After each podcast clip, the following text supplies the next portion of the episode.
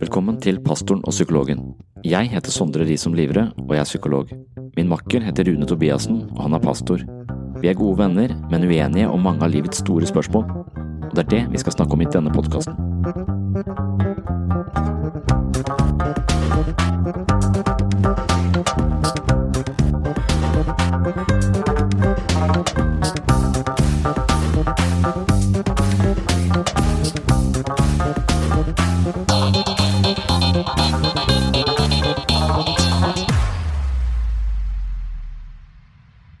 Denne episoden gjester vi Skeptikeruka på Universitetet i Agder i regi av Laget, som er et kristent studentsamfunn. Vi skal spille inn en episode av Pastoren og psykologen med publikum i salen. Det er lenge siden Rune og jeg har snakket sammen, og jeg merker at det er lenge siden jeg har tenkt eh, veldig inngående på spørsmål om tro og tvil. Jeg er med andre ord litt eh, rusten, og jeg merker at hodet blir tomt i løpet av denne seansen.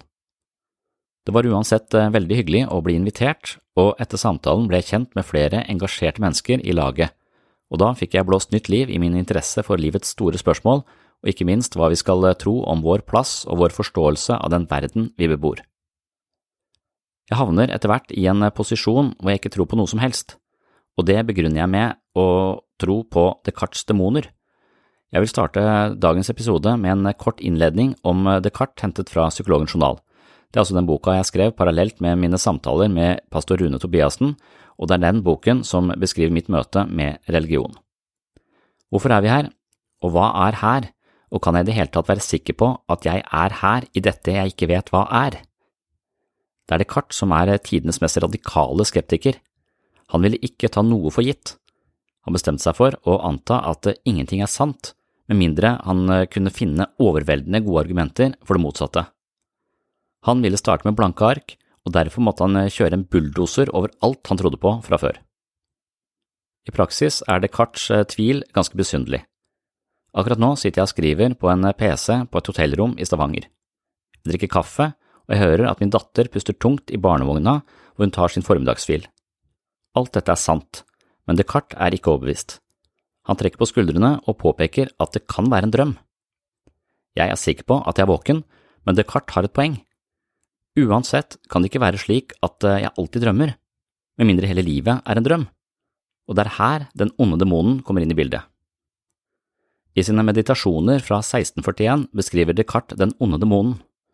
Den onde demonen er en forstyrrende kraft som lurer oss på alle nivåer, fra våre mest grunnleggende antakelser til de mest eh, fundamentale prinsipper som vi bygger alt annet på.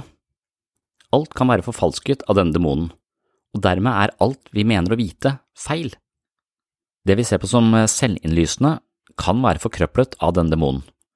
Vi kan ikke engang stole på at to pluss to er lik fire, eller at en trekant har tre kanter. Alt fra sansene til matematiske sannheter kan være feil. Descartes forkaster all forforståelse og begynner med det eneste han ikke kan tvile på, og det er selvfølgelig her Descartes' berømte forutsetning kommer inn i bildet. Jeg tenker, derfor er jeg. Den onde demonen kan ikke lure meg til å tro at jeg eksisterer som et tenkende vesen. For at den onde demonen skal kunne lure meg, må det jo være noen å lure. Jeg må med andre ord være et tenkende vesen som kan bli lurt. Hvis jeg ikke eksisterer, kan jeg ikke bli lurt til å tro at jeg eksisterer. Derimot kan det jeg tror jeg vet om alt mellom himmel og jord, være forfalsket av denne demonen. I regi av Webpsykologen holder jeg ofte foredrag med overskriften Alt du tenker er feil, eller noen ganger sier jeg Alt du føler er feil. Litt ettersom, og jeg mener vel egentlig at alt du tenker og føler er feil. Det betyr egentlig bare at alle våre opplevelser filtreres via vårt psykiske apparatur som fortolker og prosesserer alt på sin helt unike måte. Dermed er alle opplevelser påvirket av uhorvelig mange faktorer, hvorpå vi kun er innforstått eller oppmerksomme på noen få av dem. Kanskje hadde det vært bedre for meg å snakke under en overskrift som sier at alt du tenker og føler er litt riktig. Det vil si at det meste av eh, våre antagelser, teorier og spekulasjoner sannsynligvis inneholder noe som ligger tett på tingenes faktiske tilstand, mens mye av det sannsynligvis ligger langt fra den virkelige virkeligheten. Dette er skeptikerens måte å tenke på. Det resonnerer også med våre erfaringer. De fleste ting vi mener å vite, innenfor de fleste disipliner, og spesielt innenfor humanistiske fag, modifiseres, nyanseres, forkastes eller suppleres hele tiden. Det er sjelden vi kommer frem til noe som kan skrives i stein. Dette er også tema for denne episoden, og sannsynligvis et tema vi har vært inne på mange ganger tidligere. Men nå er vi i alle fall eh, i gang igjen, og håper at eh, samtalen kan ta litt nye retninger i tiden fremover. Trolig ved å invitere noen gjester som kan hjelpe oss eh, litt ut av de samme sporene. Uansett, vel møtt til en ny episode av Pastoren og psykologen.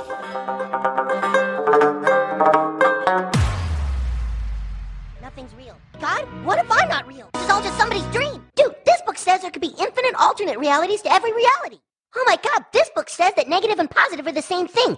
That real and not real are one. I can't deal with it, Stan. I mean, all this stuff I've been reading, I really don't think I exist. Dude, just stop thinking about it. But I can't, because what if thinking about it is the only thing keeping my space-time together? Light is a wave unless it's observed. That means all matter is just a wave. This is reality. I am everywhere and nowhere. I am nothing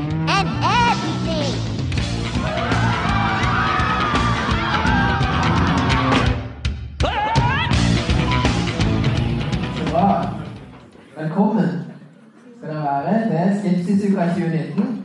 Jeg får se noen litt applaus. Vil du, vil du holde deg så kan du låne min. Så gøy. Um, I dag går startskuddet for uka, og vi har et veldig spennende eh, arrangement. Vi har fått med oss to flotte karer her som har valgt å stille opp sette av litt tid til å diskutere det de eh, brenner for, og ja, litt sånn det de også driver med til vanlig. Og litt eh, store spørsmål om livet og tro og forskjellige ting. Så det er veldig, veldig spennende. Det er bra å se også så mange som har eh, kommet. Så eh, for de som lukta litt sånne vafler eh, her, så de som eh, de er etterpå. Så dere har noe til å glede dere og, og se fram til. Så det blir veldig bra. Um. Så sånn det kommer til å foregå, at vi de bare har en samtale, egentlig. Seg imellom. Um, dette er altså da Rune, pastor. I hvilken menighet? Østsida.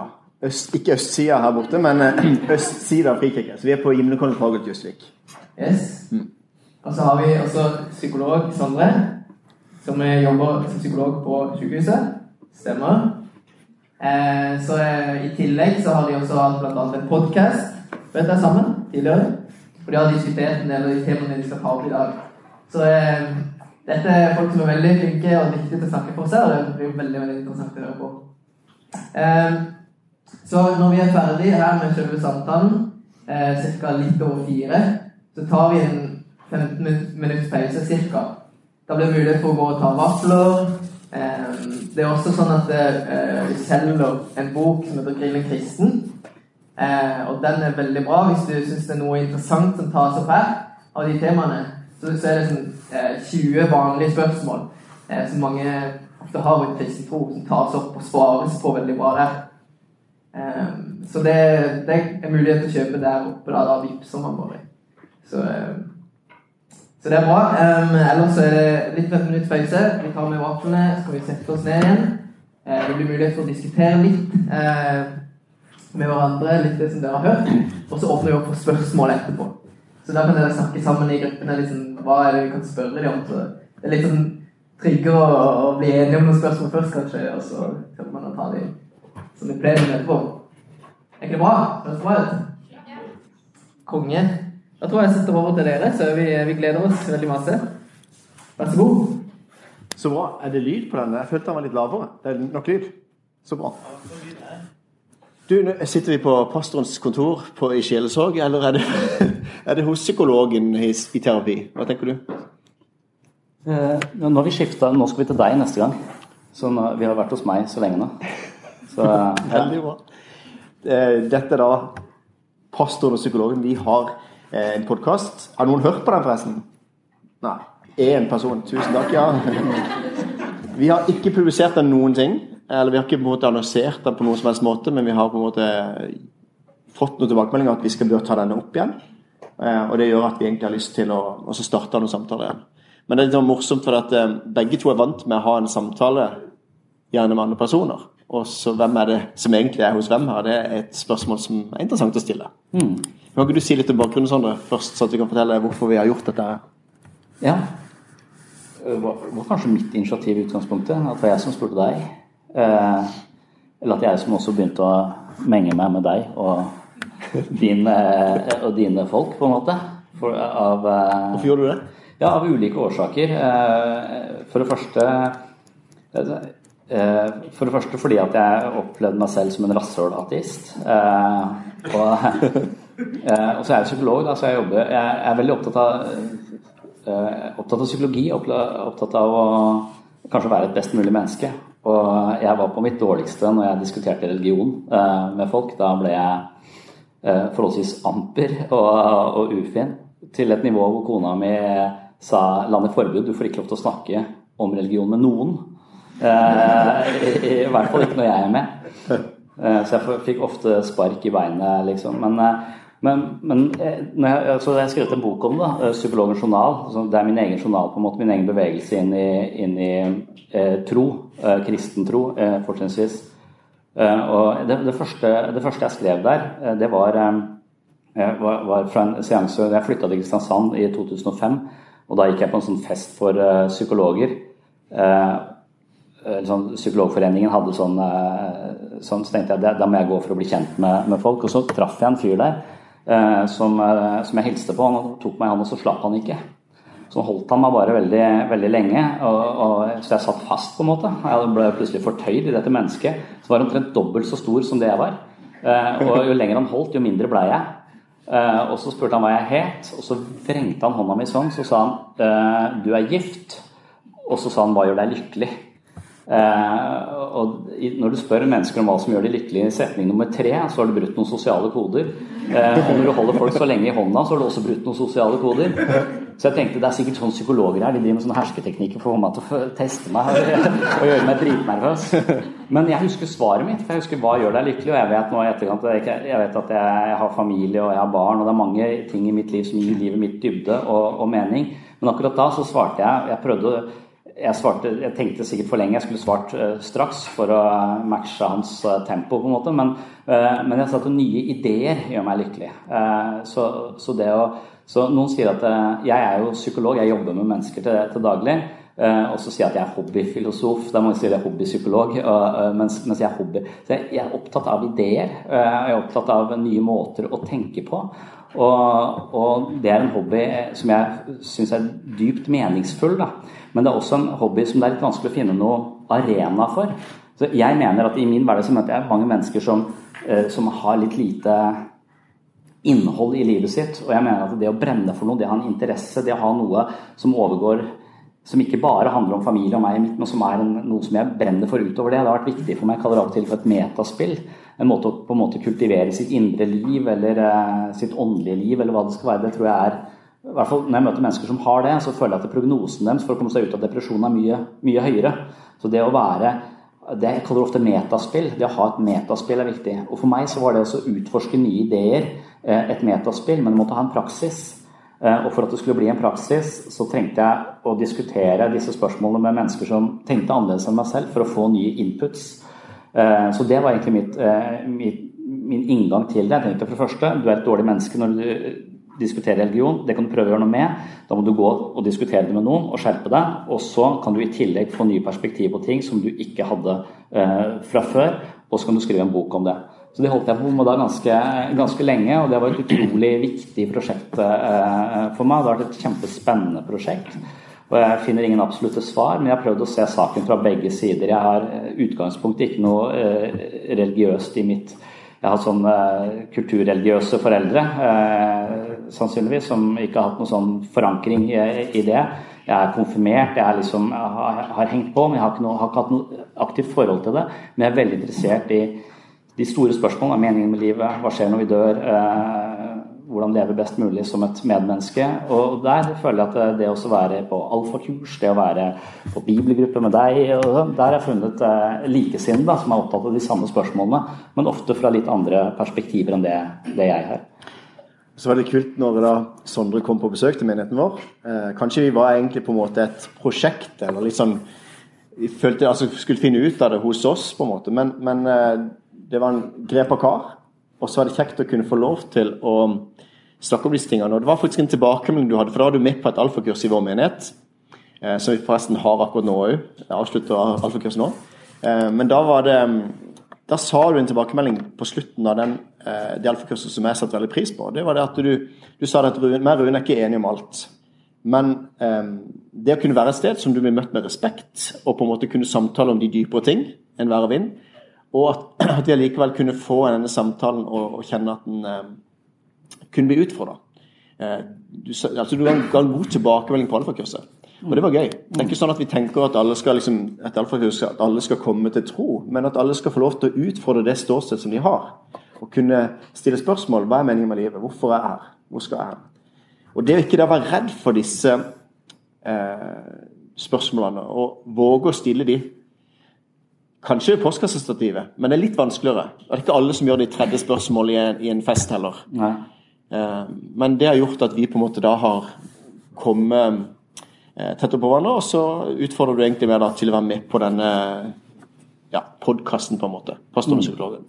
Så den finner deg på iTunes hvis du har lyst til å sjekke. og da tar vi Akkurat nå har, er lideren teknisk havari, eh, Ja. så det er folk på saken, så akkurat nå finner du den ikke. Vi legger Men, den eh. Den, eh, den er eh, jeg er i ferd med å lappe hullet i bunnen av den båten. Eh, ja. Veldig bra. Men eh, clouet er i hvert fall at vi kanskje da ikke er så veldig redd for å, å eh, stille spørsmål. Og så tror ikke jeg at det er noe orakel som kan svare på alle ting i møte med kristen tro. Eh, hvis jeg hadde forstått Gud, så ville jeg ikke trodd på han. For det, hvis jeg hadde fått han inn i mitt hode, så ville han vært altfor liten. Men samtidig, hvis mennesker da bruker sitt hode til å bortforklare Gud, så syns det er litt for, litt for enkelt. Og da vil jeg bruke mitt lille hode til å si at det er for enkelt, og kanskje argumentere for at det kan være fornuftig å tro. da. Eh, og det syns jeg var litt gøy når du så det at det faktisk da gikk an å ha noen fornuftige argumenter for kristen tro, og på en måte også opplevde at du har kunnet Ja. Det har vært litt sånn eh, spennende. Og ikke minst da det er kjempegøy å høre på han. For han har utrolig mye visdom, og veldig gøy å lære han. Eh, Så jeg har lært masse. Så det er veldig gøy, da. Vi sitter egentlig bare og prater, og så tar vi det opp. Og så er det en, eller annen sær person innimellom som har lyst til å høre på dette. men eh, Nei, unnskyld, det var ikke det. Men du skjønte hva jeg mente.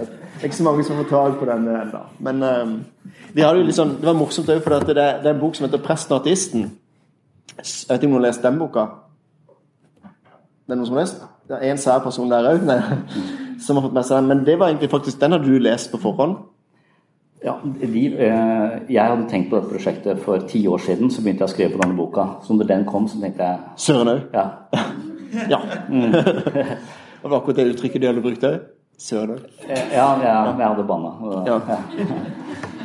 Men eh, morsomt da at en prest og en artist møtes til samtaler, og så prøver å forstå hverandre. Kanskje litt av det samme som vi har gjort, og så bare har vi gjort det som venner. Med respektfull samtale. Og det er kanskje det beste som jeg har på en måte endret seg i forhold til din vinkling òg, har vært det at du kalte deg sjøl for rasshølateist. Det var dine ord. Men det var um, Du da på en måte hadde litt sånn Kanskje litt samme tilnærming som jeg opplever at nyartistene, Richard Dawkins, Sam Harris, Hitchens Mange av disse som har vært en veldig sånn aggressiv kampanje mot kristne. Altså religion er roten til alt ondt. To streker under svaret. Det er på en måte ingenting godt ut fra religion. religion. Og det blir ingenting godt ut av en sånn samtale. Det blir på en måte polariseringer og, og ikke noen nyanseringer i det hele tatt. Og det opplever jeg at når en kommer forbi det stadiet der, rasshølartisten, så kan en på en måte få en konstruktiv, konstruktiv samtale, og som kan utfordre hverandre på. Kan ikke du begynne å utfordre litt? For vi, vi har fått eh, utfordringer om å utfordre hverandre. Ja. Så eh, kan du komme med første utfordring til meg, f.eks.? ja. Og da, da var det egentlig satt sånn type fem minutter, så kanskje bruke litt tid på, på å bygge opp et slags eh, argument. Eller for jeg, jeg tenker vel kanskje at som, eh, jeg er medlem av statskirken, og det kommer jeg til å fortsette å være. Eh, og, det er litt av konklusjonen. Altså, det, hvis jeg hadde fortsatt i det veldig ateisti- ateistiske sporet, så hadde jeg nok meldt meg ut eh, og blitt medlem av Human-Etisk Forbund. Jeg har en del ting der også. Jeg er veldig ofte sammen med de. Eh, men, men jeg gjør egentlig ikke det, fordi at eh, jeg opplever at det er noe viktig i, eh, i kristen tro. Da. Eh, Men, men jeg opplever også at når du sier Eller når det, at eh, en del av de Jeg, synes, jeg møter en del liberale teologer i, i, statskirken, egentlig, eller de som tilhører der. Og så møter jeg kanskje litt mer konservative holdninger i de litt mindre uh, frikirkelige miljøene. Uh, så, så, der er nok en, nok en forskjell. Så. Så, så, for meg så er det det vi har snakket om de to flere ganger, altså sannhet og hva er, hva er sannhet. Og som jeg opplever deg, så er du livredd for postmodernisme. Og jeg er nok ikke så redd for postmodernisme Eh, lenger. Jeg er ikke redd for at alt skal bli oppleves relativt og, og, så videre. Så, så, så, jeg tviler litt på um, jeg, jeg, skulle ønske at vi kunne lese mye av, mange av tekstene i Bibelen som kloke uh, fortellinger som kan anspore oss til et dypere og mer meningsfullt liv. Eh, og forholde oss agnostisk til hvorvidt Gud eksisterer eller ikke. Det, det, det ville være en ideell eh, måte å bruke denne kristne kulturtradisjonen på. Eh, for det som du sier, vi kan ikke vite. Vi kan dypest sett ikke vite hva som skjer når vi dør. Det har vi ikke, det har vi ikke noen forutsetninger for. Og jeg mener det er gode argumenter for å tvile på at, det, at det, Jeg tror at det historier kan være metaforisk sanne, de kan være fenologisk sanne, men de kan være faktisk falske. Eh, og det er der vi skiller oss. Og når dere gjør eh, historier i Bibelen om til noe som faktisk har skjedd, så syns jeg det er dere som gjør Gud liten, eh, og, og ikke nyatistene f.eks. Nyatisten kan svare dere da. Da svarer han på det samme nivået som dere allerede har presentert Gud som en liten størrelse. Eh, som, som, jeg opplever det. som når jeg snakket med han kollegaen din, han svensken den gangen, om om eh, Stefan Gustavsson, Stefan, Stefan Gustafsson eh, om, om Jona og hvalen f.eks., så mener han at det, er, det har faktisk skjedd. Det har vært en mann inni en diger fisk. Og det opplever jeg som en fornærmelse mot mitt eh, intellekt. Eh, fordi jeg vet at det, eh, folk overlever ikke inni en stor, stor, fisk. Men hvis du tenker metaforisk, hva vil denne historien fortelle oss? Hvem er Jonah? Jonah er en person som på en måte får Eh, en oppgave av eh, noen som er mye større og sterkere enn han selv. Og han får, han får nærmest prestasjonsangst. Han tenker 'jeg får ikke til dette, nei, ikke ta meg', på en måte.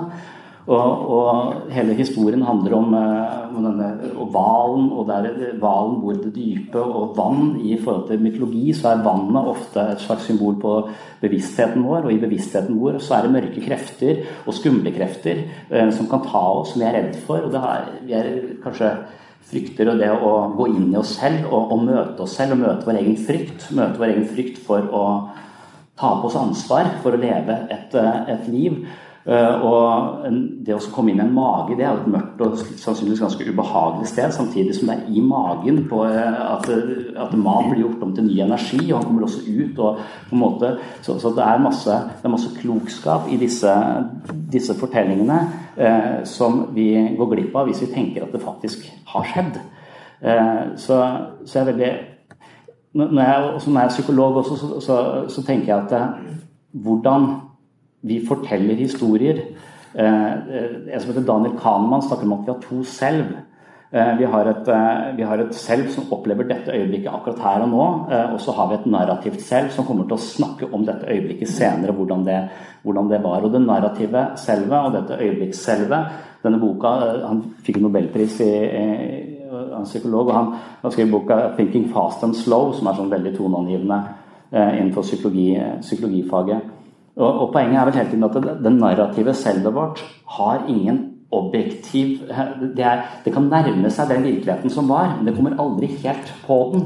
Eh, så dypest sett så, eh, så vil alt vi opplever til og med her og nå, være filtrert via vårt Jeg opplever ikke Rune at Rune sier jeg har en mental modell av Rune som jeg opplever inni mitt hode.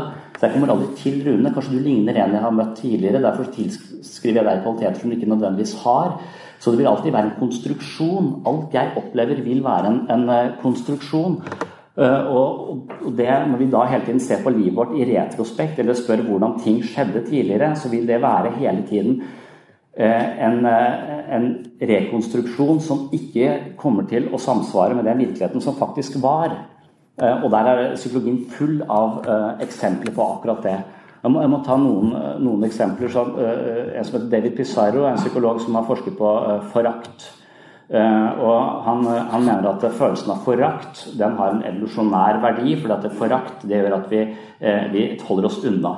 Så når, når, mennesker levde på hver, hvert sitt kontinent og ikke hadde møtt hverandre, så vil det også komme til et nytt eh, kontinent og, og føle vemmelse og litt sånn forakt, eller spes, kanskje spesielt vemmelse for nye og ukjente ting. Det hadde en overlevelsesverdi, for det de vi møtte, hadde sannsynligvis en sykdom som ikke vi tålte, og det ville vi dødd av. Så vemmelse handler om Det er en overlevelsesverdi, denne følelsen av, uh, av vemmelse. Og så mener jeg at det også, hvor lett vi vemmes av ting, det kommer til å påvirke våre politiske eh, holdninger. De som vemmes lett, eh, de vil ofte ha fremmedfrykt og vil at eh, de vil være mer konservativt orienterte. Mens de som ikke vemmes så mye, de vil være mer liberale. Så hvordan vi tåler vemmelse, det kommer til å, eller hvordan vi opplever vemmelse, det kommer til å også spille inn på hvordan vi stemmer politisk sett. Da. Så gjør han en test på dette, så setter han folk i et rom, og så får de lov til å svare på mange hundre spørsmål om politikk. Og så eh, svarer de eh, på et tidspunkt, og så tester han de samme folka igjen på de samme spørsmåla noen måneder seinere. Eh, men forskjellen i disse to eh, scenarioene er at i første scenario så lukta det blomster i det rommet hvor de svarte på disse spørsmålene. Mens i scenarioet senere så lukter det søppel eh, i det rommet, så det lukter vondt der. Og så ser han etterpå at da de svarer mer konservativt. De som svarte forholdsvis liberalt, de har blitt mer konservative i svarene sine i det rommet som lukter søppel. Og så spør du de hva har skjedd, hvorfor har du endret mening på disse spørsmålene? Og da kommer det narrativet selv inn og lager en forklaring på hvorfor adhoc som de mener er sann, hvis forskere ser at lukten i rommet spiller en rolle på hvordan du svarer, og det er ikke kontakter. Vi vet ikke det. Eh, så hvordan de rekonstruerer noe som har skjedd, er fullt altså ekstremt mange faktorer som mennesker ikke er, eh, er klar over. Så det Freud eh, på en måte oppdaget også, som gjør at Freud, som er på en måte psykoanalysens far, da, det er at, at du må ikke stole på tanker eller, eller følelser.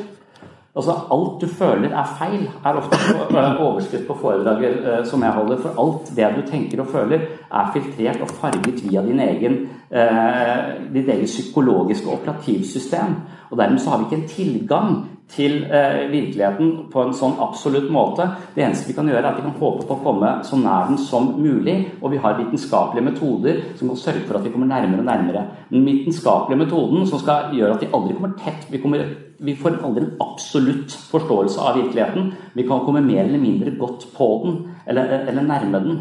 Eh, og, dermed så tenker jeg Når vi da har en bibel som er skrevet i retrospekt, mye av det, om noe som har skjedd på et tidlig tidspunkt, så må vi ta høyde for bare den psykologien til Johannes, Lukas og Markus. At de også har en, en psykologi. Eh, og de har eh, masse biaser som, som, på en måte vil farge hvordan de opplever og forstår dette her sånn. Og hvordan ønsketenkning og alt dette her spiller inn. Så jeg tenker at Bibelen er er historier eh, med mer eller mindre eh, godt innhold. Og jeg tror ikke det er jeg tror, ikke, jeg tror, vi gjør en gedigen feil hvis vi tror det er sant i bokstavelig forstand. Men hvis vi tenker at her er det kanskje en dybde Kanskje Jesus eh, Hva er det Jesus forteller oss? Han, Jesus er en person som er fantastisk god, men han også, også blir utsatt for masse lidelse og faenskap. Og, og, det han gjør, er at han bærer korset sitt. Og hva betyr å bære sitt eget kors? Det betyr kanskje å akseptere sin skjebne. Og ikke være bitter og foraktfull fordi at du er utsatt for dette. Og det, Hvis vi kan gjøre det, så kommer vi til å, å, kanskje dø, men så gjenoppstå For det vi har lært noe veldig viktig. Vi har på en måte taklet det livet har kasta i trynet på oss, og vi har blitt et nytt menneske. Vi har stått opp igjen som en ny person. Så, som Jung leser jo Jesus som, som denne personen uh, som et slags bilde på mennesket selv. Altså, vi, vi, hver gang vi lærer noe, så blir vi en, en ny person. Vi dør fordi erfaringene og forståelsen vi hadde av livet før, de må vi forlate til fordel for noe nytt. Og da vil vi ofte få masse angst og uro, men vi kan gjenoppstå som et rikere og større, uh, større menneske.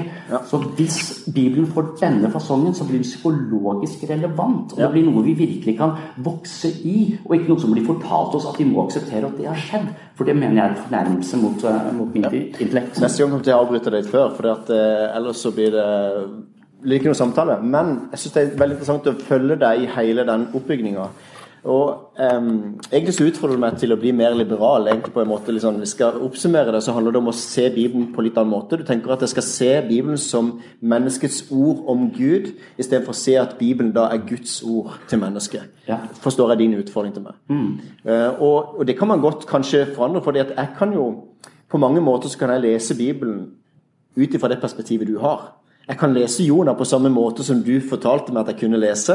Jeg kan lese jobb og relatere det til mitt liv. Jeg kan lese mange av de tingene som har skjedd, og, og på en måte anvende i mitt liv. Hele Bibelen er skrevet og nyttig til lærdom, undervisning og oppbygging. Og Vi kan lese gammeltestamentlige historier inn i vår situasjon i dag, og vi kan lære masse av det. Og Gud kan også bruke det til å si og undervise meg om ting. Eh, men nå har jeg et konservativt syn på Bibelen. Jeg tror Bibelen er Guds ord. Men skrevet inn i en tid. altså Det er på en måte historisk at Gud da har på en måte åpenbart seg i historien. Og Det vil si at det kan godt være vi er blitt mer intellektuelle vesener, har kommet lenger i utviklinga. Har på en måte eh, Kanskje Gud ville gjort det annerledes hvis han skulle eh, åpenbart seg i 2019 enn det var ved korset i 2000. Men, ja, Hvis Gud hadde skrevet eh, eller skulle diktere Bibelen i dag, Ja. så hadde han vært første bud hadde vært ikke utvinn uran. Ja, det er da til tredje bud, faktisk. Men okay. uansett eh, Ikke lag plastikk, selv om dere klarer det. Har du på full Det er et godt bud. Du er litt lav. Er det litt lav? lav. Ja, jeg vet ikke om jeg kan stille noe på denne her, men eh, Men du kan ikke stille på den der. Jeg har tatt på maks, men han er kjempehøy. Du er litt lav. kanskje. Ja, du vil høres bedre. Ja. Men det skal vi gjøre noe med. ok, hva er.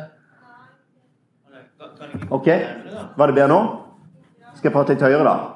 Yes. Veldig bra.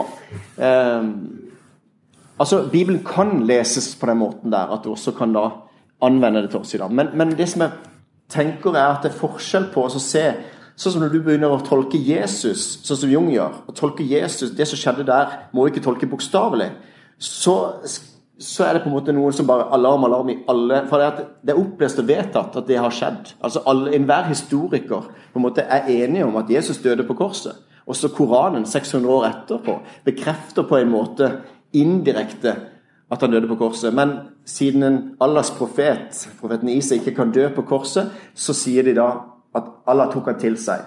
Ja, Det så ut som at han døde på korset, men Allah tok han til seg, som det står i Sure 4. Men poenget er Vi ser det som historiske hendelser. Og hvis jeg tror på det største underet i Bibelen, som jeg mener står i Første Mosebok, kapittel 1 og vers 1 Den første boka, der står det i begynnelsen skapte Gud himmel og jord. Hvis det er sant, så er det piece of cake å kunne være en hval i tre dager. Eller en stor fisk i tre dager. Det er piece of cake med jomfrufødsel. Det er piece of cake med mange andre ting. Derfor så bruker jeg egentlig ikke så mye tid til å se på hvordan kunne disse tingene skjedd. For jeg vil heller bruke tid på er det sannsynlig at Gud fins, mer enn at han ikke fins. For min del så har jeg ikke nok tro til ikke tro.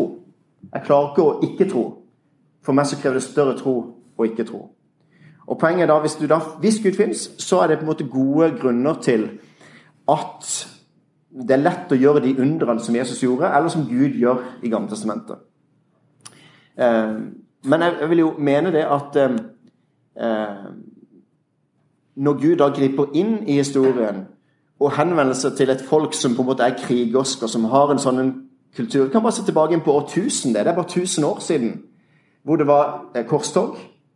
Så var det jo sånn at Vi kan gjerne si at kulturen var helt annerledes enn i dag. Hvordan kan vi da si at det var galt, det som skjedde med korstogene? Fordi at De mente jo kanskje sånn at hvis jeg ble fornærma og opplevde at noen hadde fornærma meg offentlig, så kunne jeg på en måte utfordre til duell. Så møtes vi, så blir én stående. Um, Da på en måte leser vi inn med 2019-briller i en helt annen kultur. Hvor det var helt vanlig at hvis man ble fornærma, så kunne man utfordre til duell. Hvor det var sånn at um, man grep til sverd osv. Så, videre. så derfor så blir det feil å ta 2019-briller inn i historien og så si at det var galt og det var galt. Vi må se det ut fra sammenhengen. Du sier på den ene siden at eh, denne eh, Bibelen er skrevet for et folk på en tid som ikke tilhører eh, som- er, som ikke nødvendigvis passer i 2019. Eh, Samtidig så blir det feil å lese med 2000. Men, men jeg tenker, hva, hva hvis f.eks. det med å være litt negativt innstilt til eh, prevensjon Hva hvis det handler om et folk som trengte flere mennesker? Eh, så å Så, så vi, vi, har det, det, å være homofil, f.eks. Det altså, Vi trenger at folk parer seg. Vi må bli flere.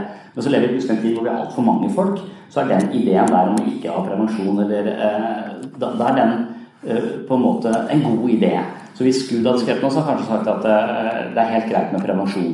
Jeg har lyst til å snu litt om på det. Si, for Det står ingenting om prevensjon i Bibelen. Det, står, det er altså katolikkene som holder på det ut ifra tradisjon. Men poenget er egentlig at det, det som står i Bibelen, er at det er seksualiteten, eller sex, mener jeg, eh, hører hjemme i ekteskapet.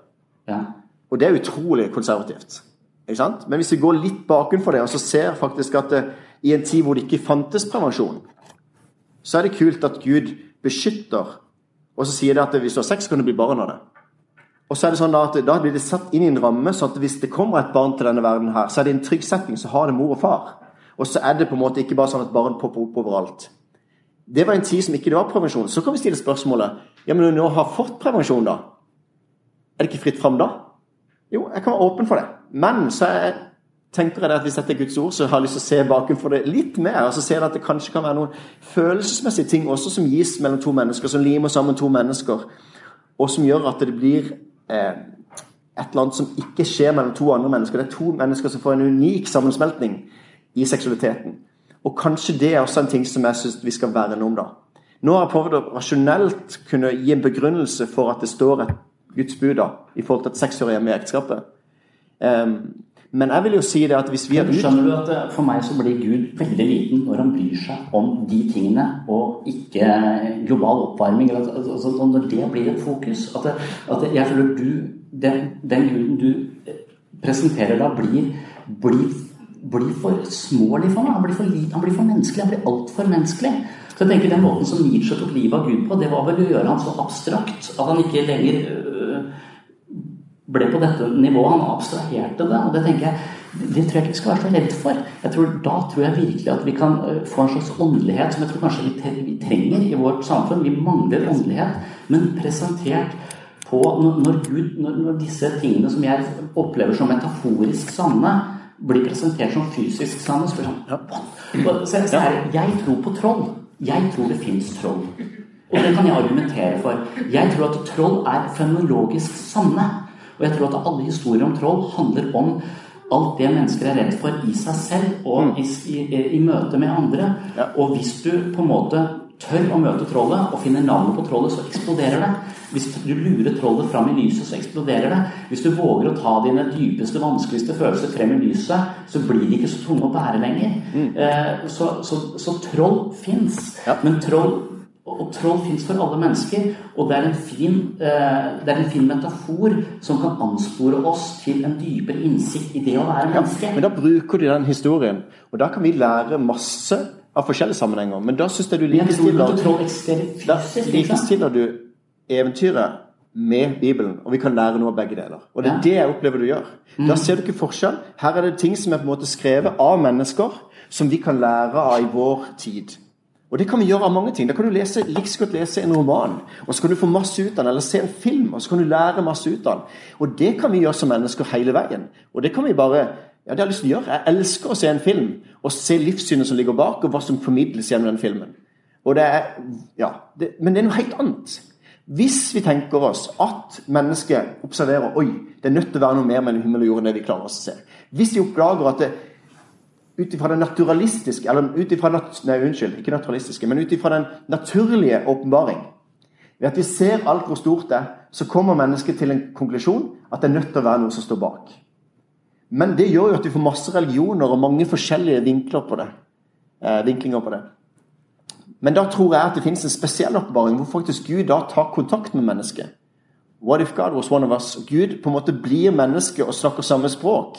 Og som gjør at når jeg syns det er vanskelig med Gud, så kan jeg konsentrere meg om Jesus. Fordi at Der sier Bibelen ganske tydelig Johannes 1,18 at ingen har noen gang sett Gud. Men den enbårne, som er Gud, og som er i fars favn, han har vist oss hvem han er.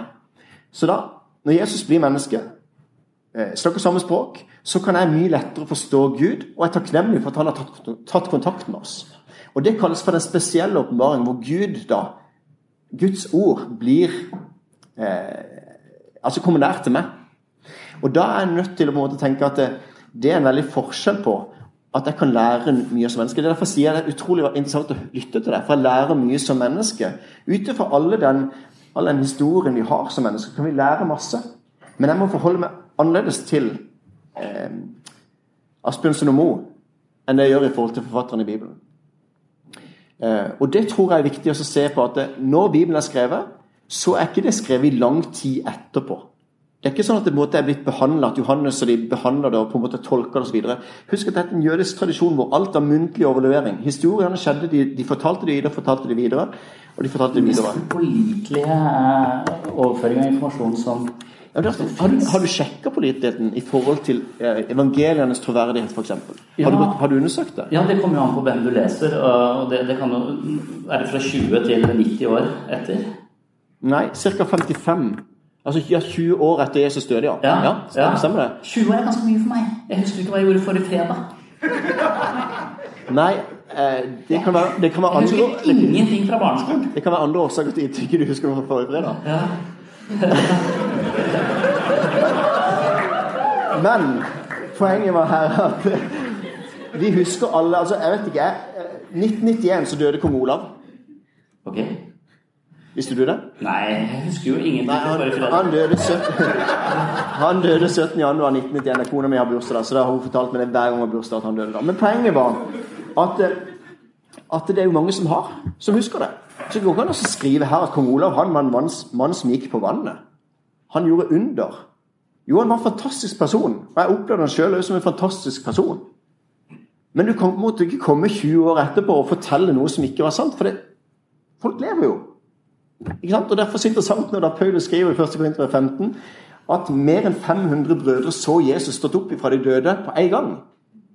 Og Da er det interessant når han skriver rett etterpå av dem lever mange av de enda. Underforstått gå og snakke med de da vel. Altså, Det er bare å undersøke kildene. ikke sant? De har opplevd dette. Og Derfor blir det veldig rart Derfor blir det veldig rart noen kan bare Psykologiske historien. Altså, hvert menneske du snakker med altså, en, Et Det heter Tobiassen, Tobiasen, så det passer veldig bra med disse biasene dine. Ja, ja, ja for, for, for Hvis du sier at alt du føler er feil Jeg, jeg, jeg tror på demoner. Jeg tror på Descartes' demoner. Eh, Det er en annen ting eh, jeg tror på. Descartes forestiller seg at mennesker kan ha demoner eh, i hodet sitt som forvrenger alt vi opplever. Det kan vi ikke vite. Så, så dypest sett så kan alt vi opplever være feil.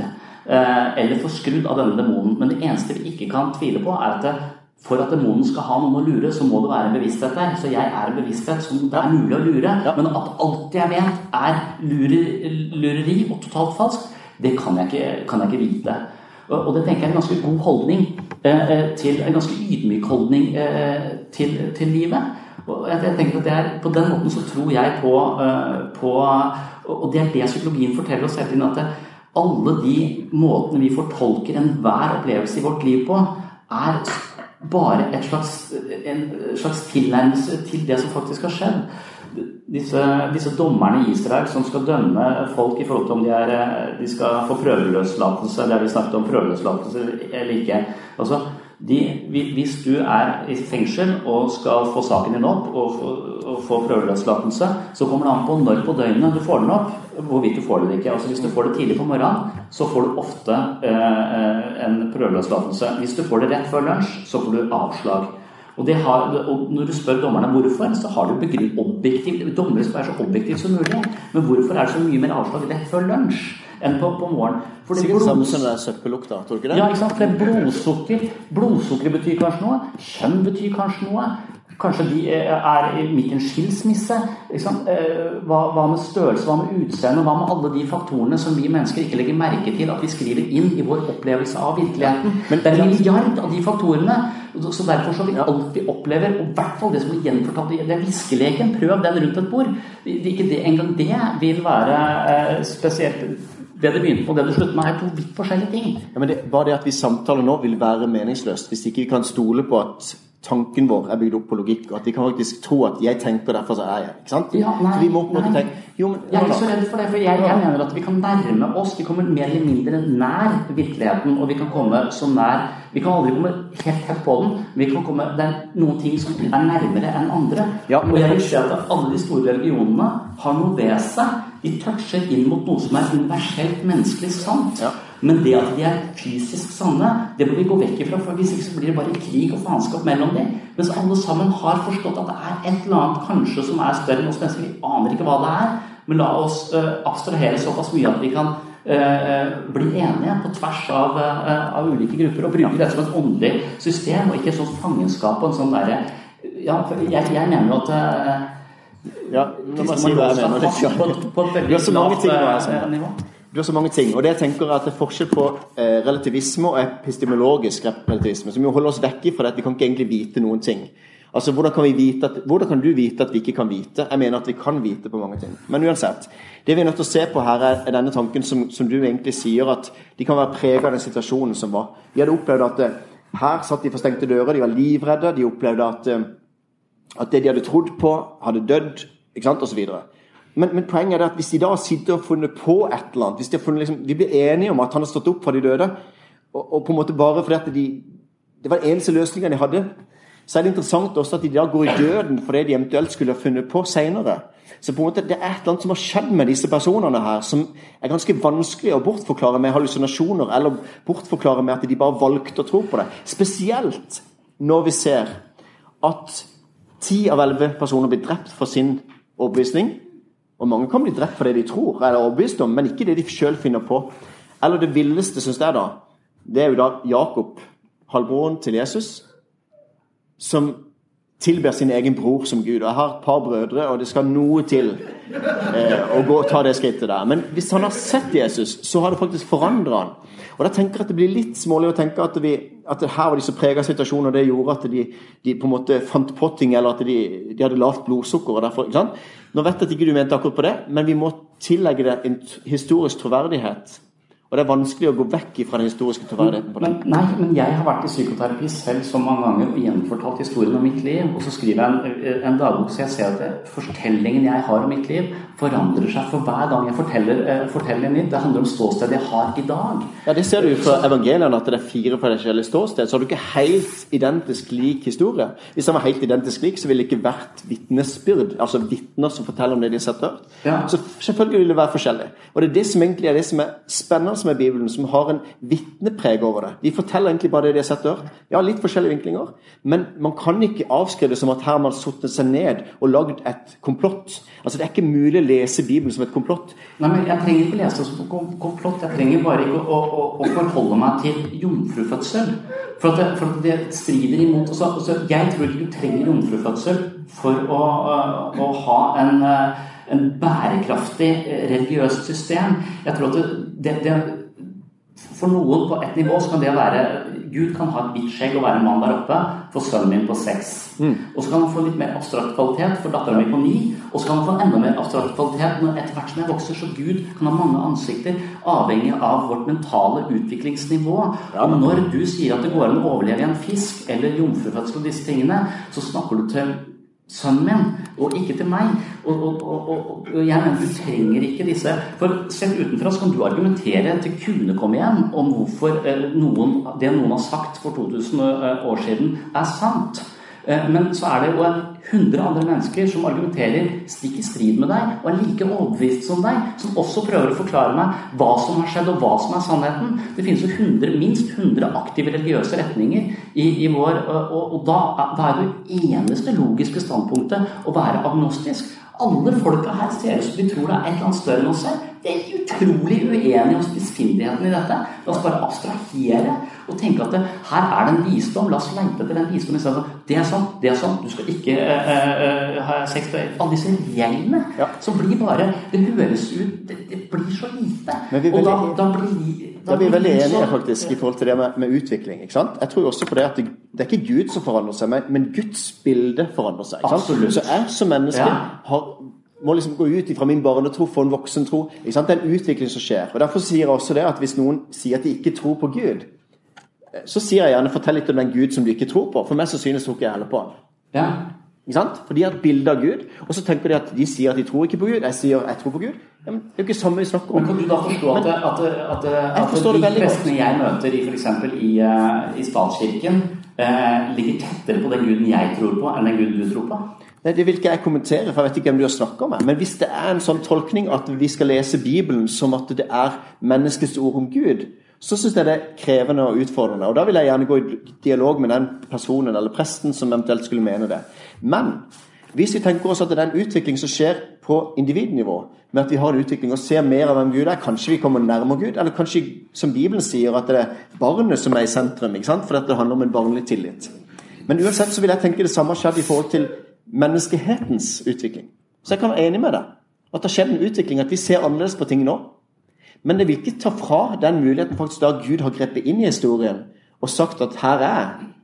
Og på en måte da også vil vi må kunne, vi må kunne tolke det med 2019-briller. ikke sant? Og så si noe om hvordan det skal forstås i dag. Det må vi kunne gjøre.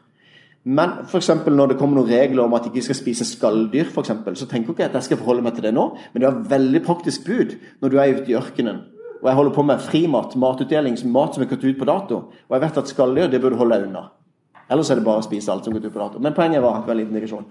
Men poenget var at eh, da er det bra med en leveregel når ikke du har fått den kunnskapen om at du ikke skal spise skalldyr.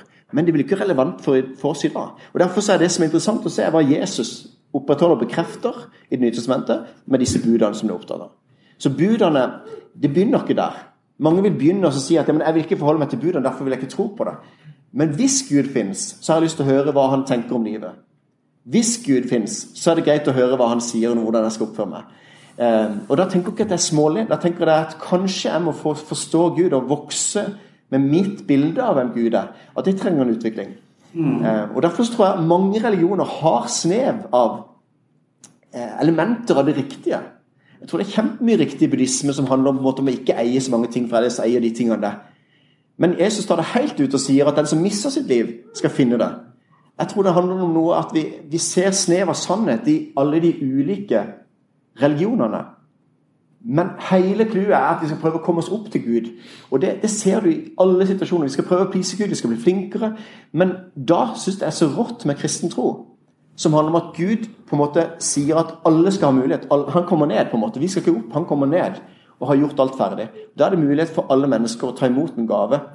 Eh, og det syns jeg er rått med kristen tro. Den skiller seg ut fra de andre som skal prøve å please Gud. da. Når du sier sånne ting som det der, så høres det veldig konkret ut for, uh, meg. Og, og da, da, har du liksom en, en, ferdig servert forklaring som jeg skal kjøpe. Det er ikke noen vekst i det for meg. Altså, det, det å si at det, han skal komme ned altså, vi, det, vi har ikke, Hodet vårt er så lite for noe uh, som er så kosmisk, så vi kan ikke vi bør vi la være å prate sammen egentlig nå, for det er jo egentlig litt for stort for oss begge to, dette her, tror jeg. ja, men, men, du gjør det ganske lite, da. Du gjør det veldig konkret. Du sier at det går an å bli spist av en fisk. Jon har eksistert, jomfrufødsel har, har vært det. Liksom. Så, så, så, for meg så, så, trekker du det ned på et, uh, på, på et nivå som jeg må forholde meg til og tenke nei, det, det, det kan jeg ikke bruke uh, til noe. Altså, det, det, ligger altfor langt uh, si det på en annen måte da, Hvis en tenker mer i forhold til hvorfor skal vi forholde oss til det som står i Bibelen, kan vi ikke bare eh, se det som at det har vært en del av utviklinga, og så har vi kommet oss videre. Men da blir det jo egentlig bare menneske. Hvis jeg leser evangeliene og, og plukker ut det jeg har lyst til fra evangeliene, så, så, tror jeg ikke på evangeliene, men da tror jeg på meg sjøl. Da tror jeg på mine egne overbevisninger. For jeg velger ikke, jeg leser ikke det som at det er historisk, men jeg på en måte finner ut hvilken tro jeg vil ha. Så plukker jeg litt herifra, så plukker jeg litt herifra, så litt herifra. Så er dette min tro. Og det er derfor kanskje jeg er litt redd for denne postmodernismen, som handler om at det er ikke noe som er sant lenger. Men det er bare sannheten blir relativt, og, det, og, og på en måte det handler bare om å finne sin egen tro. Og da er vi der at det, vi kan ikke snakke sammen nå engang. Vi kan ha en respekt for hverandres tro. Men det fins ikke noe som er sant. Og det, Jeg tror det finnes noe som er objektivt sant. Det er bare vi klarer ikke å se det fulle hele bildet. Og Derfor har vi toleranse, respekt for hverandre, for vi klarer ikke å se det fulle hele bildet. Men det fins noe der som er sant. Ellers blir det meningsløst. Jobbs bok, er det, er det sant? Ja, og, og det... Gud og vedda med Satan, liksom? Hva, skjedde det? Eller er det, et, er det en, en slags fortelling som inneholder en slags uh, kulturell visdom om det å bære sitt lodd i livet og ja. bli urettferdig behandla? Er det en Sånn som jeg leser Jobbs bok, så er det en poetisk bok som på en måte er blant de andre fem, poetiske, eller, ja. fem poetiske bøker. Så den leser jeg annerledes enn historiske bøker som er ellers i Bibelen. Mm. Så Jobbs bok den handler konkret om at da har Gud tillatt lidelsen å komme inn i verden. Gud sender ikke lidelsen, men Gud har tillatt lidelsen å komme inn i verden. Og det kan jeg se i dag. Lidelsen er her i verden. Er det Guds skyld? Ja, på en måte, for han har tillatt at lidelsen har kommet inn. Fordi at Satan sier til Gud du, det eneste grunnen til at Jobb tilber deg, det er bare fordi at du har velsignet han så utrolig. Ikke sant? Og at han har det så bra. Og så sier Gud nei, jeg vil teste hans overgivelse. Og så er det på en måte en test for mitt liv. Jeg er villig til å forkaste deg Gud hvis livet går meg imot. Eller på en måte er jeg villig til å bøye meg for han og så si at det er det der Gud det handler om. Så Sånn sett så tenker jeg at Jobbs bok er egentlig livet mitt og ditt. Eh, men, men, det er et poetisk bok, og, og, derfor så tror jeg denne måten, sammen med første Mosebok, kapittel 1 og, og siste bok, så handler det også om, om symbolikk med livets tre og kunnskapens tre. Men det er likevel en historie her om et folk hvor Gud griper inn, som jeg må lese historisk. Eh, og Det synes jeg er forskjell på. Så Derfor må vi også forstå boka. Vi kan ikke lese Johannes' åpenbaring bokstavelig. Da misforstår vi apokalypselitteraturen. Han går bort sånn. Det betyr det liksom at vi er liksom nærmere å slutten?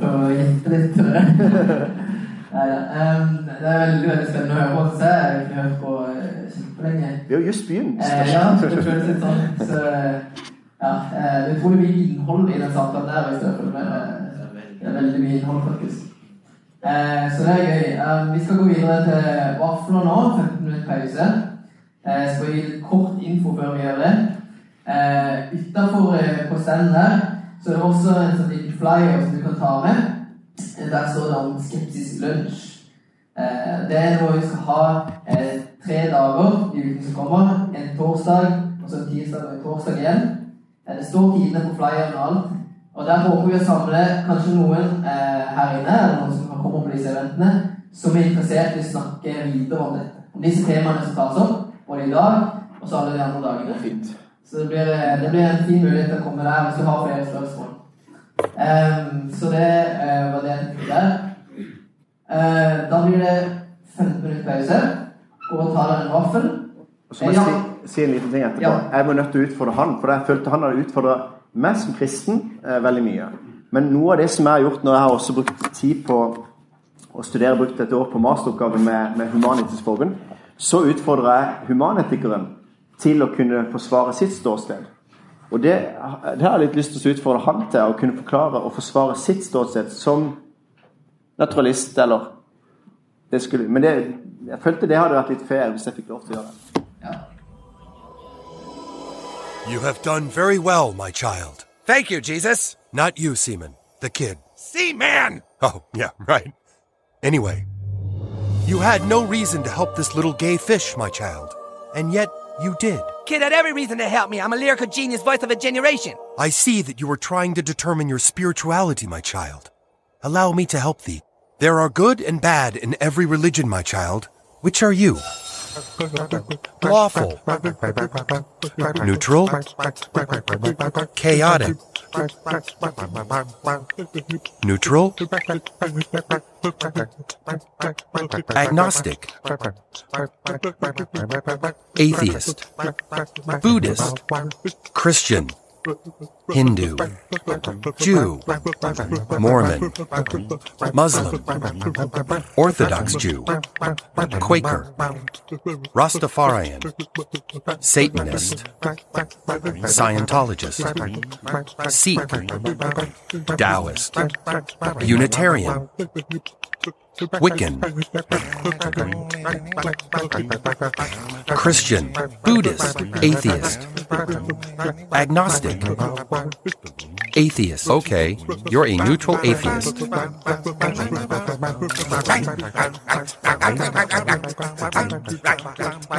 Oh, wait! I bet you want a selfie with Jesus, right?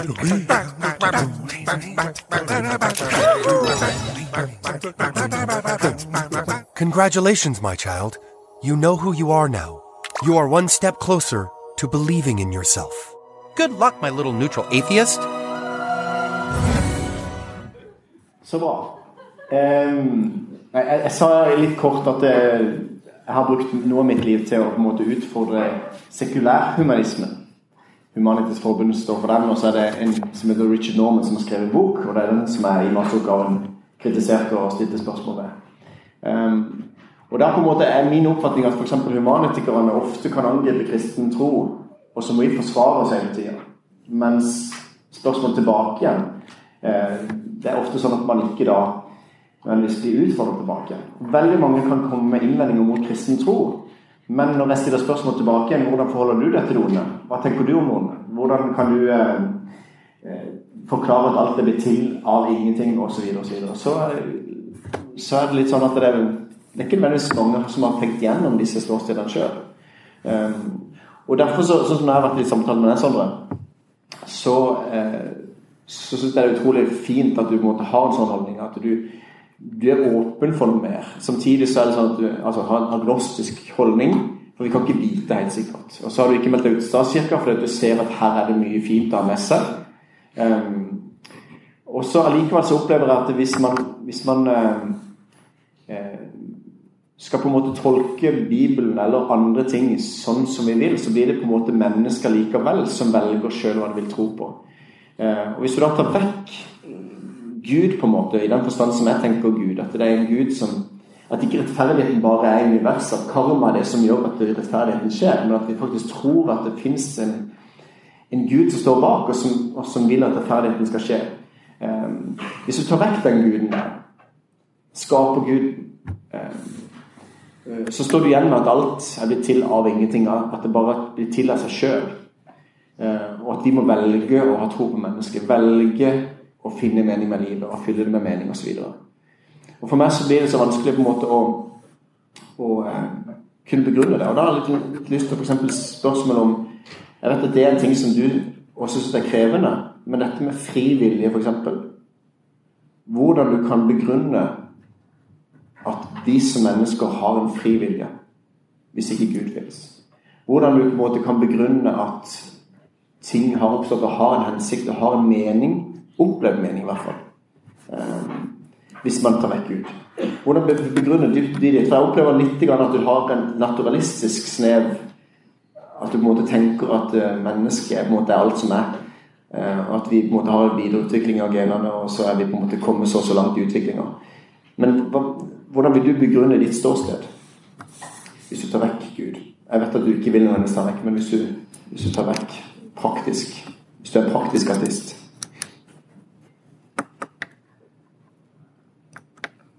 Ja, jeg opplever eh, Jeg vet ikke om jeg alltid da blir fanget på samme sted. Um,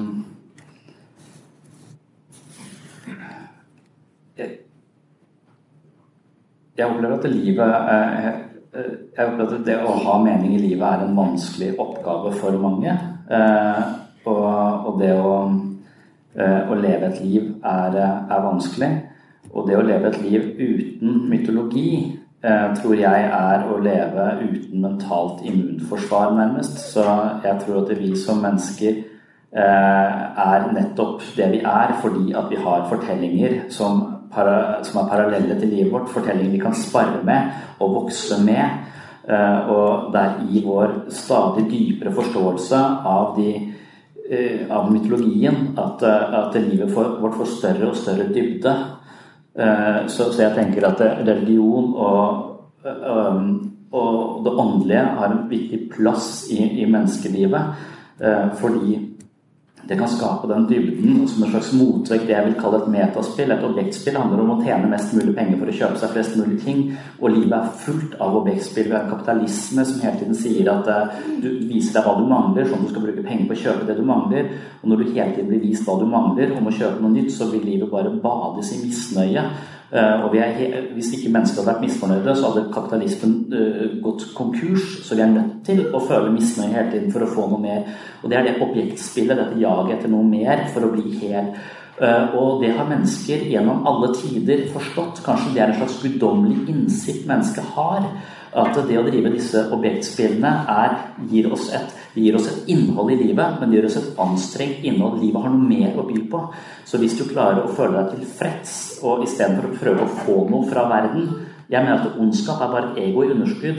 Ondskap er et ego som føler seg forrådt og i underskudd og trenger noe fra andre for å føle seg hel, og går over lik for å bli hel. Mens en person som er i balanse og er, eh, vil, få det, vil, få en type metabehov som handler om å gi, så, så jo mer i balanse vi er selv, jo mer, eh, mer, altruistiske tendenser vil vi få, og vi vil strekke oss ut. Og dette er den samme beskjeden vi finner i alle de store visdomstradisjonene. Så for meg så er livet veldig meningsfullt idet jeg får lov til å ikke bli eh, forklart at den historien betyr det og det skjedde da og det skjedde da, og det er sant og det er ikke sant. Mens eh, hvis vi kan ha en slags eh, mytologisk mystisisme ved seg, så her er det en fortelling som på overflaten kan virke helt absurd. Men hvis du virkelig gir den tid og lar den vokse i deg, så skjønner du at her er det noe mer. Og da, hver gang jeg oppdager noe mer, så finner jeg en dybde i livet mitt som ikke var der før, samtidig som det er det jeg trenger for å leve et meningsfullt liv. Og, så, så den, den jeg, jeg, Det er derfor jeg ikke melder meg ut av statskirken. For jeg, jeg, føler at jeg, i dette prosjektet jeg har hatt om psykologer som har funnet nye måter å forholde meg til kristen eh, tro på.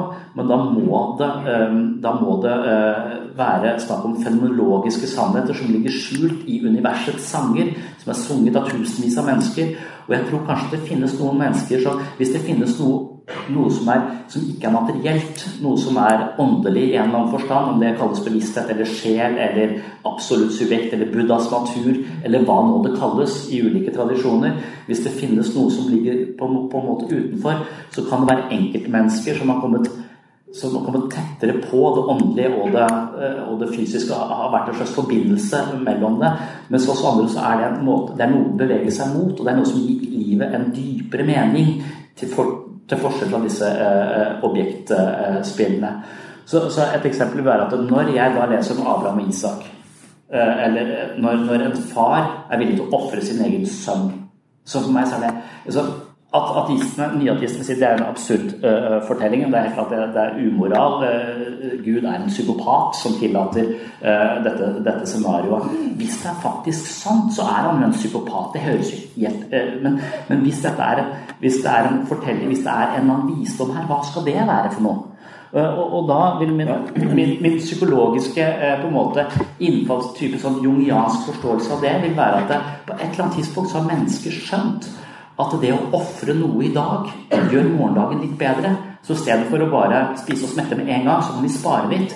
Eller i stedet for å ta til oss alt vi trenger, så kan vi gi noe som egentlig går utover oss, som gjør det litt dårligere for oss, men for gruppa vår så blir det bedre. Så det å være det tilhørighet i en gruppe, og føle tilhørighet og ofre egne behov for, for noe som er større enn oss selv, det gir oss som gruppe en overlevelsesverdi, og det gir også vår, vårt liv en større mening og betydning. Og når vi skjønner det, og så er det kanskje størrelsen på offeret ditt betyr også noe. Hva er det ultimate offeret? Må være sitt eget barn, på en måte. Og, og da, men hvis du virkelig orker å ofre noe for, det, for en større gode i dag, så vil også fremtiden din bli bedre. Og da vil jeg si at Gud er kanskje bare en inkarnering av den fremtiden som bestemmer om vi har ofret nok i dag eller ikke. Har, vi, har jeg bidratt nok? Har jeg på en måte vært egoistisk og slitt med dårlig samvittighet? Eller har jeg vært eh, snill mot folk rundt meg, og så plutselig så, så åpner det nye dører for meg. Gir meg en, større, gi meg en bedre følelse av å være meg på et senere tidspunkt. Gud er den er en slags manifestasjon av eh, den fremtiden som vil komme, avhengig av hvordan jeg lever i dag. Og Det å forstå det på denne måten gir meg mulighet til å hele tiden Jeg kommer aldri i mål. Og det, Jeg er ikke så opptatt av at det skal være sant, det skal ikke være sant. Jeg mener at vi kan aldri vite, men her har du historier som er sunget av tusenvis av mennesker, som inneholder kanskje en eller annen forståelse som er retningsgivende i mitt liv, og kan gjøre at mitt liv eh, får en større dybde. Men, men, da kan ikke noen bli spist av en hval. Det er det som er utgangspunktet mitt. For da, da mister du meg. Men var det sånn at det faktisk Abraham ofra Isak? Nei, det, må, det er du som er pastoren. Ja. Eh, nei, nei han, han, han, gjør det jo ikke. Han, men, nei, men bare sånn at den ja, ja. der er egentlig litt feil. For det er faktisk så I en kultur hvor det er ofringer, også barneofringer, ja. som på en helt natur, naturlig i den kulturen, så er det faktisk det Gud stopper. At ikke det skal skje. Men det er jo en liten digresjon. Det er han som setter i gang òg, da. Så, så, nei, det setter ikke i gang. Men det som er interessant, at det er på det samme fjellet som Gud senere ofrer sin sønn. da. Eh, og på en måte da viser han på en måte offer, det offeret som, som, han sjøl måtte gjøre i forhold til sin sønn, altså Gud i forhold til sin sønn. Mange syns det er bestialsk at Gud skal ofre sin egen sønn, men hvis vi vet at Jesus også er Gud, så handler det om at Gud sjøl tar på seg lidelsen som menneske, som han elsker, egentlig skulle tatt. Så det handler jo egentlig ikke om at Gud ofrer noe som helst, men Gud som elsker mennesket så høyt men ønsker allikevel at det skal være rettferdighet i forhold til de handlinger som er begått i ondskap. At det skal bli tatt, gjort opp for. At når noen har begått urett overfor meg, så skal ikke Gud si ja, men det er greit. Han har gjort så mye godt etterpå. Han skal, stå til ansvar for det, den som har gjort vonde ting overfor meg.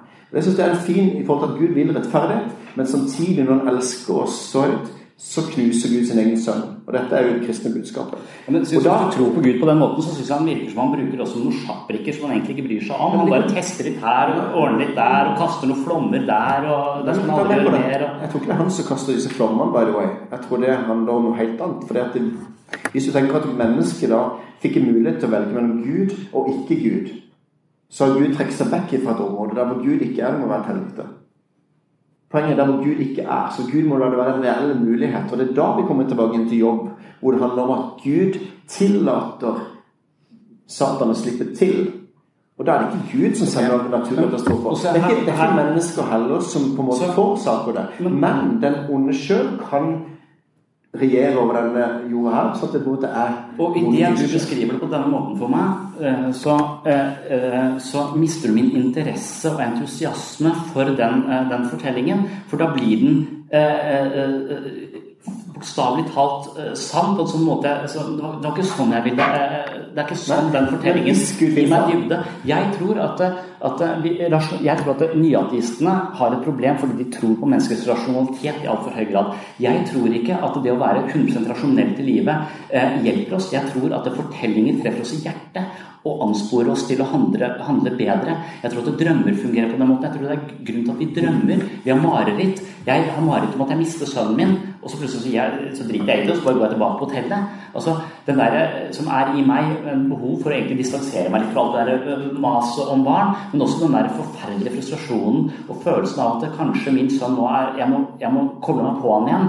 Det er som om de to andre barna tar for mye plass, og han blir han han er dritten i midten, på en måte. Jeg er nødt til å ofre han mer. Det forteller drømmen meg. Og når drømmen viser meg det som om jeg mister han i en fremmed by, så treffer det meg i hjertet. Og det er sånn religion kommuniserer til mennesket. Øh, Og hvis vi lytter til det på den måten, så er det ekstremt verdifullt. Det er utrolig mye innsikt vi kan bruke psykologisk til å komme oss videre. Men med en gang du da begynner å forklare hvorfor Gud gjør sånn og sånn og sånn, og sånn, og, og gjør det til noe som faktisk har skjedd, så mista det den metaforiske Ja. dybden jeg var ute etter. Og det gjorde det lite for meg. Det, det du, ok, men la meg få se på en litt annen måte. Nå, nå sitter vi i Norge øverst på Maslows behovspyramide og har det veldig greit. Men hva med det mennesket som opplever at verden er urettferdig? Jeg det er fantastisk som kristne kunne komme og si at det, vet du noe, det kommer til å skje rettferdighet en dag.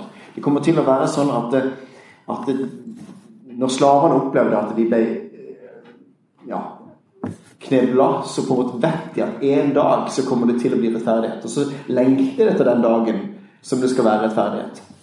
Og da tenker jeg at hvis Gud da har skapt en selvstendig verden som er en del av, en selvstendig verden hvor Gud lar de mennesker som ønsker å gi respons tilbake i han, få lov til å gjøre det. Men de som ikke vil, da respekterer Gud det. Jeg synes det er fascinerende å se at da, da opplever ikke jeg at jeg gjør Gud liten, men jeg opplever at Gud gjør oss konkret, så at jeg kan forstå han. Ja, men da, veldig- for meg da er konkret arkaisk tilpasset min sønn, ikke meg. Så, du, du, så, så jeg tenker at det, den, den gode, den virkelig gode religiøse lederen som kanskje kunne blåst liv i en slags åndelighet hos mennesket, for jeg mener de er litt åndelig fattige. Det er et av mine utgangspunkt for dette her. Jeg mener at psykiatrien har blitt, en, eh, blitt det nye stedet hvor, hvor mennesker søker en slags åndelig føde. De kommer sånn trette på livet, slappe, energifattige, mangler et eller annet dybde. Og de det? Fordi at, eh, at det religiøse spillet har spilt fallitt på den måten at det, eh, det dogmene Vi tror vi må ha dogmene for at Gud skal, vi skal kunne være religiøse. Altså det er spillereglene, det er det vi skal forholde oss til. Men vi tåler en mer abstrakt Gud. Vi tåler en dypere forståelse av dette. Vi tåler en, jeg tror jeg er nødt til å ha en psykologisk forståelse av, av disse, denne kulturarven vår. Og jeg tror at vi må, må, må abstrahere, for da tror jeg vi har noe å vokse inn i, noe å strekke oss til. Det er ingen absolutte Gud. Sånn er sånn, og han er sånn og sånn, og det er det og det for det og det. det. Da, da, da, da mister du majoriteten av det norske eh, folk. Det kan godt være, men hvor begrunner du det andre du mener? ikke sant? Altså Hvis man ikke har noen begrunnelse for å si det, så blir det hvordan en sjøl, ut ifra en hjerne som er prega av evolusjonen, skal på en måte si at 'jeg tror det er sånn'. Det vil jo uansett være sånn at vi har tolkninger. Og det som jeg tenker at eh, Nei, men Poenget er at jeg tror jo uh, at vi har en demon i hodet, så jeg tror at enhver tolkning vil være høyst midlertidig. Men hvis denne tolkningen av min drøm om at jeg mister sønnen min i, eh, i en fremmed by, og plutselig bare gir blaffen i det, mens dattera mi står ved min side hele tiden, hvis det gir meg et slags signal om at jeg skal kanskje ta litt mer eh, vare på den, så vil den samme drømmen fortelle meg noe annet, en annen livssituasjon. Så, så jeg tror ikke at Så det er du sjøl som projiserer den drømmen, da? Jeg, jeg tror, ja, men jeg tror at Eller er det noe utenfor som projiserer? Jeg tror at uh, min drøm er min drøm. Den må jeg uh, tolke, for det er jeg best på. Ja. Men, men jeg tror at uh, religion er kollektive mareritt, på en måte, eller drømmer, avhengig av gamle Nye testamentet, som er drømt av tusenvis av, av, av mennesker. Så det er som, som vårt felles ubevisste reservoar av kunnskap som er tilgjengelig, og som er veivisende på vår vei. Men da har vi ikke det lenger. Nå har vi algoritmene til Netflix og Google som skal gi oss verdigrunnlaget vårt øh, osv. Mm. Jeg tror kanskje det er eh, en litt dårligere Jeg er ikke sikker på om det er helt lurt, for da tror jeg vi blir små øyer. For eh, algoritmene eh, tar oss ned i forskjellige kaninhull. Mm. Men, mens hvis vi kunne sparret videre disse fortellingene som allerede har denne tradisjonen, så, så, så tror jeg vi kunne tjent på det. Jeg tror vi kunne dekket et behov så at psykiatrien får litt mindre å gjøre. Men hvis man opprettholder disse dogmene, så mister du da, da vil det vil Det er ingen som opprettholder disse dogmene. Det som skjer, er at noen tar vekk dogme med Gud og mening. Sant? Altså, Religioner tas vekk fra samfunnet, og så tenker vi at nå skal vi klare oss uten. Men så ser vi at mennesker klarer seg ikke uten. De er meningssøkende vesener. Vi søker etter mening. Hvorfor er vi her? Hvorfor skal vi her? å si, men, det, men hvorfor skal de da bry seg om folk har sex med samme kjønn eller ikke? Det burde være totalt irrelevant uh, for, et, uh, for et åndelig system med en viss dybde og integritet. Det, det, burde, det burde være hvorfor, hvorfor skal man i det hele tatt ha en mening om det? For det, er alt vi tenker og føler er feil. Bryr du deg om hvordan ditt, dine barn oppfører seg? Har du lyst til å gi dem retningslinjer eller leveregler? Eller har du ingen tanke om det? Skal de få lov til å bare finne ut ting sjøl? Ja, men jeg, jeg tenker at vi må Hva tenker du om det? Jeg, jeg tenker at vi, men dine barn? Har ikke du gitt dem noen leveregler? Jo, men, men ingen, ingen absolutte sannheter om, eh, om noe som helst. Jeg, jeg ønsker at vi, vi- skal ha noe å spare mot. Skal, de skal ikke være absolutt Jeg kan diskutere religion med min datter. Hun mener, hun, eh, mener at vi lever i, som om vi er i Minecraft.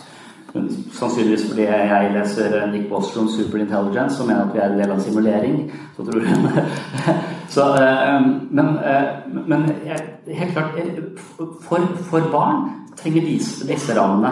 Og etter hvert som barn eh, eh, vokser, så vil eh, verdensbildet deres forandre seg. Det er utviklingspsykologien. Altså det er, det er, hver gang vi møter eh, motstridende vi har, vi har en virkelighetstunnel som er snever. Og så møter vi andre virkelighetstunneler som skjønner at det, nå kan ikke jeg forholde meg til verden i denne virkeligheten. Jeg må utvide. Og, og det å utvide hele tiden, det gjør barn hele tiden av seg selv. Men når du blir 20, så har du ikke lenger noe biologi, og hjernen din forandrer seg ikke. Så da bare begynner du å tviholde på din virkelighetstunnel uten å utvide den. Og det å ha absolutte rammer i denne virkelighetstunnelen er det, det er Men du beskriver å tro menneskets, det er eh, du beskriver menneskets opplevelse, eller hvordan vi på en måte gjør disse tingene. Du har ikke lagt en begrunnelse til hvorfor vi skiller oss fra dyrene og søker etter mening med livet, eller hvorfor vi på en måte er sånne med det Det tror jeg, det tror jeg på grunn av Adam og Eva spiste av det der eplet. Jeg tror selvbevissthet er selve Jeg tror at det at vi kan reflektere over vår egen tankegang, er Det eh, verste vet jeg om det men eh, jeg tror vi skal gå videre litt inn i spørsmål og svar. Det er superspennende. Håper ikke det for avbrutt. Nei, veldig bra. Det var helt riktig gjort. Det. Eh, konge, er det noen spørsmål? Det er bare å slenge opp hånda. Ja. Eh, Jeg har et spørsmål til psykologen. Eh, Du begynte første utfordringa til, Rune med at ingen kan være sikre på hvorvidt Gud eksisterer. Eh, Og da lurer jeg på om du snakker om epistemisk sikkerhet. Og hvilke, hvilke kriterier legger du til grunn for den epistemiske sikkerheten du krever av Rune? Eh, Og i tillegg, hvilken form for bevisføring kan du lene deg på for å akseptere hvorvidt det fins en gud eller ikke? Jeg vet ikke helt om jeg eh, så Tenker du at det finnes et bevisførsel som ville overbevist eh, meg om, dette? Ok, Da kan dere lese litt i, det du sa. Det er noe som kalles for epistemisk sikkerhet. Det står av tre komponenter som er berettigelse, tro og sannhet. Så er det litt usikkert om vi kan si det for absolutt sannhet. Men du sier at ingen kan være sikre på om Gud eksisterer. Og da lurer jeg på eh, hvordan Altså hvilke, det, hvilke krav stiller du til Rune på hans tro? Og hva skal til for at du skal tro? får epistemisk sikkerhet. Ja, men så, så, lenge jeg tenker at alt du tenker og føler er feil, og alltid er filtrert via en, en, en snever virkelighetstunnel, så jeg tenker at det, alt vi forstår, forstår vi ut ifra de, den virkelighetstunnelen vi sitter i. Og hver gang vi kan tvile litt på den virkelighetstunnelen vi sitter i, så åpner vi blikket for nye innspill som kanskje gjør virkelighetstunnelen vår litt romsligere. Uh, og jeg tenker at religion tror på en sannhet med stor S. Jeg tror ikke på noen sannhet med stor S. Jeg tror at de fleste sannheter er temporære og midlertidige, kontekstspesifikke. Eh, derfor så er jeg mye mindre Og det tror jeg også vitenskapelige sannheter er aldri absolutte sannheter. Det er temporære sannheter. Eh, og, jeg tror at det er den bevegelsen vi har. Og det er den bevegelsen mot uh, noe nytt og kanskje bedre, men kanskje også dårligere. Altså den, den bevegelsen den driver seg Jeg trenger ingen absolutte uh, sannheter for å, for jeg, jeg mener, Veksten er i denne muligheten til å hele tiden forstå noe på nye måter, på dypere måter, på kanskje måter som nærmer seg virkeligheten mer. Eh, så, så, så Rune sier ja, men da blir det bare tilfeldig hva, eh, hva, du tror, og, og sånn som Sam her sier at du kan tolke en kokebok eh, på, religiøst, det mener jeg er feil. Jeg mener det er noen La oss si Kafka sin prosess. Du, hvis du tolker den som en kjærlighetshistorie, så tenker jeg det er litt feil. Det der er ingen kjærlighetshistorie. Du kan kanskje klare å tolke det på den måten, men la oss si det, du heller tolker det som en følelse av fremmedgjøring, kanskje en slags eh, kritikk mot et byråkrati, kanskje som eh, sosiale hierarkier, hvor de som er på bånd Hvis du begynner den, så kanskje flere vil være enig i at det kanskje har noe ved seg. Noe ved seg. Ja. Men, men der, i det du sa nå, så har du en konflikt. For du sier på den ene sida så forholder du et relativistisk syn. Og på den andre sida sier du kan nærme deg sannhet. Ja. Så det jeg egentlig spør om er, Fins det da en form for objektiv sannhet? Eller finnes det ikke en objektiv sannhet? Er sannhet intersubjektivt og fra mennesker fullstendig, fullstendig relativistisk, eller er det noe objektivt der? Jeg tror at vi kan nærme oss eh, sannheten. Jeg tror ikke det finnes eh, noe bevis i de fleste disipliner. Eh, jeg, tror, ikke kan, jeg, tror det er kun matematikken som på en måte har Jeg tror at det, to pluss to er fire, litt uavhengig av hvor du er i hvilket univers du er. og så vil du at primtall er noe som eksisterer uavhengig av materien osv. Men, men, men utover det så tror jeg ikke det finnes bevis Eh, sånn absolutte bevis for noe, eh, for noe som helst. Men det er ikke nærmest sagt at det blir totalt relativistisk. Det finnes mer eller mindre gode måter å se, eh, se ting på, og det kan måles. Om denne måten å forstå ting på er en god måte å forstå La oss si hvordan vi behandler kvinner, eller det finnes Jeg mener at hvordan vi behandler kvinner i ulike kulturer det, det, må du gå an å måle hva som er bedre enn andre. Det fins noen måter å behandle kvinner på som er bra, og noen som ikke er, er så bra. Og så finnes det, Vi vet ikke absolutt hvordan kvinner skal, øh, vil eller skal behandles, men det å henge nakne på Narvesen er kanskje ikke det beste. Det å pakke inn i burka er heller kanskje ikke det beste. Kanskje det finnes et annet sted imellom her at vi hele tiden megler og beveger oss til en stadig bedre måte å leve på for flest mulig folk. Og der tror jeg vi finner en absolutt uh, sannhet om hva som er best mulig for best mulig mennesker. Der tror jeg litt på Sam Harrison at det fins eh, moralske høydepunkter og, og, som et slags stort landskap hvor noen måter å være på fungerer veldig bra, mens andre er, uh, fungerer heller dårlig. men jeg vet ikke om det er svaret på på spørsmål. Du mener havner det liksom at det ikke har noe sted å stå, liksom? Ja, litt. At du, du, har mer enn to bein og står litt i alle leirer. Um, det høres ut som. Uh, og så tenker jeg det at Jeg lurte på konkret hva skal til for at du skal akseptere Guds eksistens? Hvilke bevis først trenger du? Bare ta et kort svar på det, så går vi videre på neste spørsmål. Ja. ja. Men jeg er ikke sikker på om jeg, eh, jeg Kanskje heller innfinner meg om at det Hva skjer når du dør? Altså, du kan tro på reinkarnasjon, eller du kan tro at det ikke skjer en dritt, eller du kan tro på et eller annet form for himmelrike uten noen helt klarer å beskrive om akkurat hva det er for noe. Men jeg tror at det, det, det svaret får jeg ikke før det er for seint, på en måte. Eh, og, og, og da, da, får jeg det også. Eh, og, så, og, det å tro at jeg skal få vite noe om det før det inntreffer, det det har jeg lite tiltro til at vi skal uh, få til. Fins sikkert en av Black Mirror-episode uh, hvor det er mulig å, å, å, på en måte laste opp bevisstheten din og oppleve hvordan det er å være død, kanskje.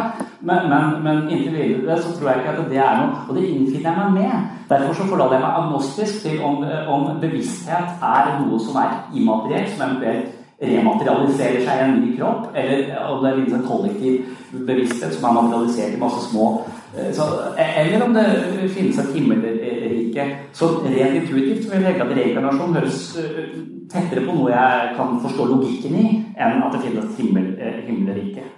Ok, Skal vi gå videre til det neste? Det er flere som sitter med, med spørsmål her. Uh, ja, er det noe bak her? Et spørsmål til Sondre. Det, for, for, meg er det en veldig ny måte å, å, tenke på det du sier. er Veldig spennende å høre på. Eh, og så eh, Min undring, da, det går på at eh, alt blir så ja, veldig, I veldig høy grad så er det du sier, veldig abstrakt eh, forståelse av sannhet og virkelighet. Og jeg tenker Hvordan vi reflekterer omkring noe som har skjedd, der kan vi reflektere forskjellig. Der er sannheten ikke objektiv, men subjektiv. Men begge ser vi jo Rune. Det vil jeg tro er på en måte en absolutt sannhet at Rune er her. Eh, og på samme måte med Jesus så tenker jeg eh, Når det er så mange øyevitner som ser ham, eh, og når det er så mange eh, som ønsket å gi livet sitt Fordi de så faktisk ikke Rune, da, de så Jesus var stått opp fra de døde, så tenker jeg at dette er sannheter som er vanskelig å se eh, relativt på. Eh, jeg liker veldig godt den måten å, fortolke Bibelen på, som du sier. Og samtidig så tenker jeg at det kan gi rom for begge deler. Man kan både ha det abstrakt, og så ser vi Rune begge to. Jeg tenker Folk så Jesus, de så etter han ja, jeg, jeg, vil si at det er, det er veldig uenig. Altså, jeg mener at her er det like mange oppfattelser av Rune som det fins mennesker i rommet. Eh, og det er like mange oppfattelser av Michael Jackson som sånn, vi, vi, vi, kan forgude ham fordi han var så fantastisk danser og lagde all den musikken. Og så Kanskje han var pedofil, men, men nei, det tror jeg ikke han er så dritgod på å danse. Altså, vi, vi, kan, vi, vi, kan, oppfatte Michael Jackson på veldig mange forskjellige måter, avhengig av hvem som fremstiller han, avhengig av hvem som snakker om han, avhengig av hvordan eh, vi ønsker at han skal være. Det var mitt idol da jeg var liten. Jeg elsket Michael Jackson. Jeg husker jeg fikk bad, liksom. Jeg syntes det var helt fantastisk, dette, dette mennesket som kunne lage musikk på den måten. Eh, men så ser jeg nå 'Leaving Neverland', så blir jeg sånn Hvordan skal jeg forholde meg? Så, så måten du ser ting på, er og det er nok det Jeg kommer fra psykologi, og der ser jeg at det, det mennesker gjør feil, at de tror på tankene og følelsene sine. Og de har ofte tanker om seg selv som gjør at jeg er litt mindre verdt enn andre mennesker. Andre folk har alltid kritisert meg. Jeg har hatt foreldre som har oversett meg. Eh, de er mer opptatt av smarttelefonen sin enn meg, noe som betyr at jeg må ha en lav verdi. De tror ting som blir materielt faktisk fysisk for dem, fordi de tror at de er dårligere enn andre, de stiller seg bakerst i køen, og de kommer alltid for seint. Derfor så er det også en virkelighet for dem at de er dårligere enn andre, for de får aldri trent på det de andre trener på, for de står alltid bakerst i køen. Så det du tror om deg selv, det blir også fysisk eh, eh, på en måte Det, det materialiserer seg i, i, virkeligheten. Men det er ikke sant at de er dårligere, men det er måten de forstår seg selv på, som er det. Og det å tro på tankene og følelsene dine er alltid en dårlig idé.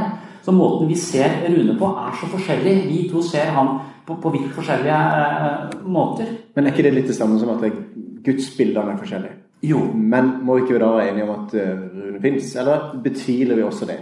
Nei, men, men, men da Da har jeg en innvending. Ja, da, da, da, ja, for da, kan vi si at La oss si at på, på grunnlag av at så mange mennesker tror det fins noe som er større enn dem selv.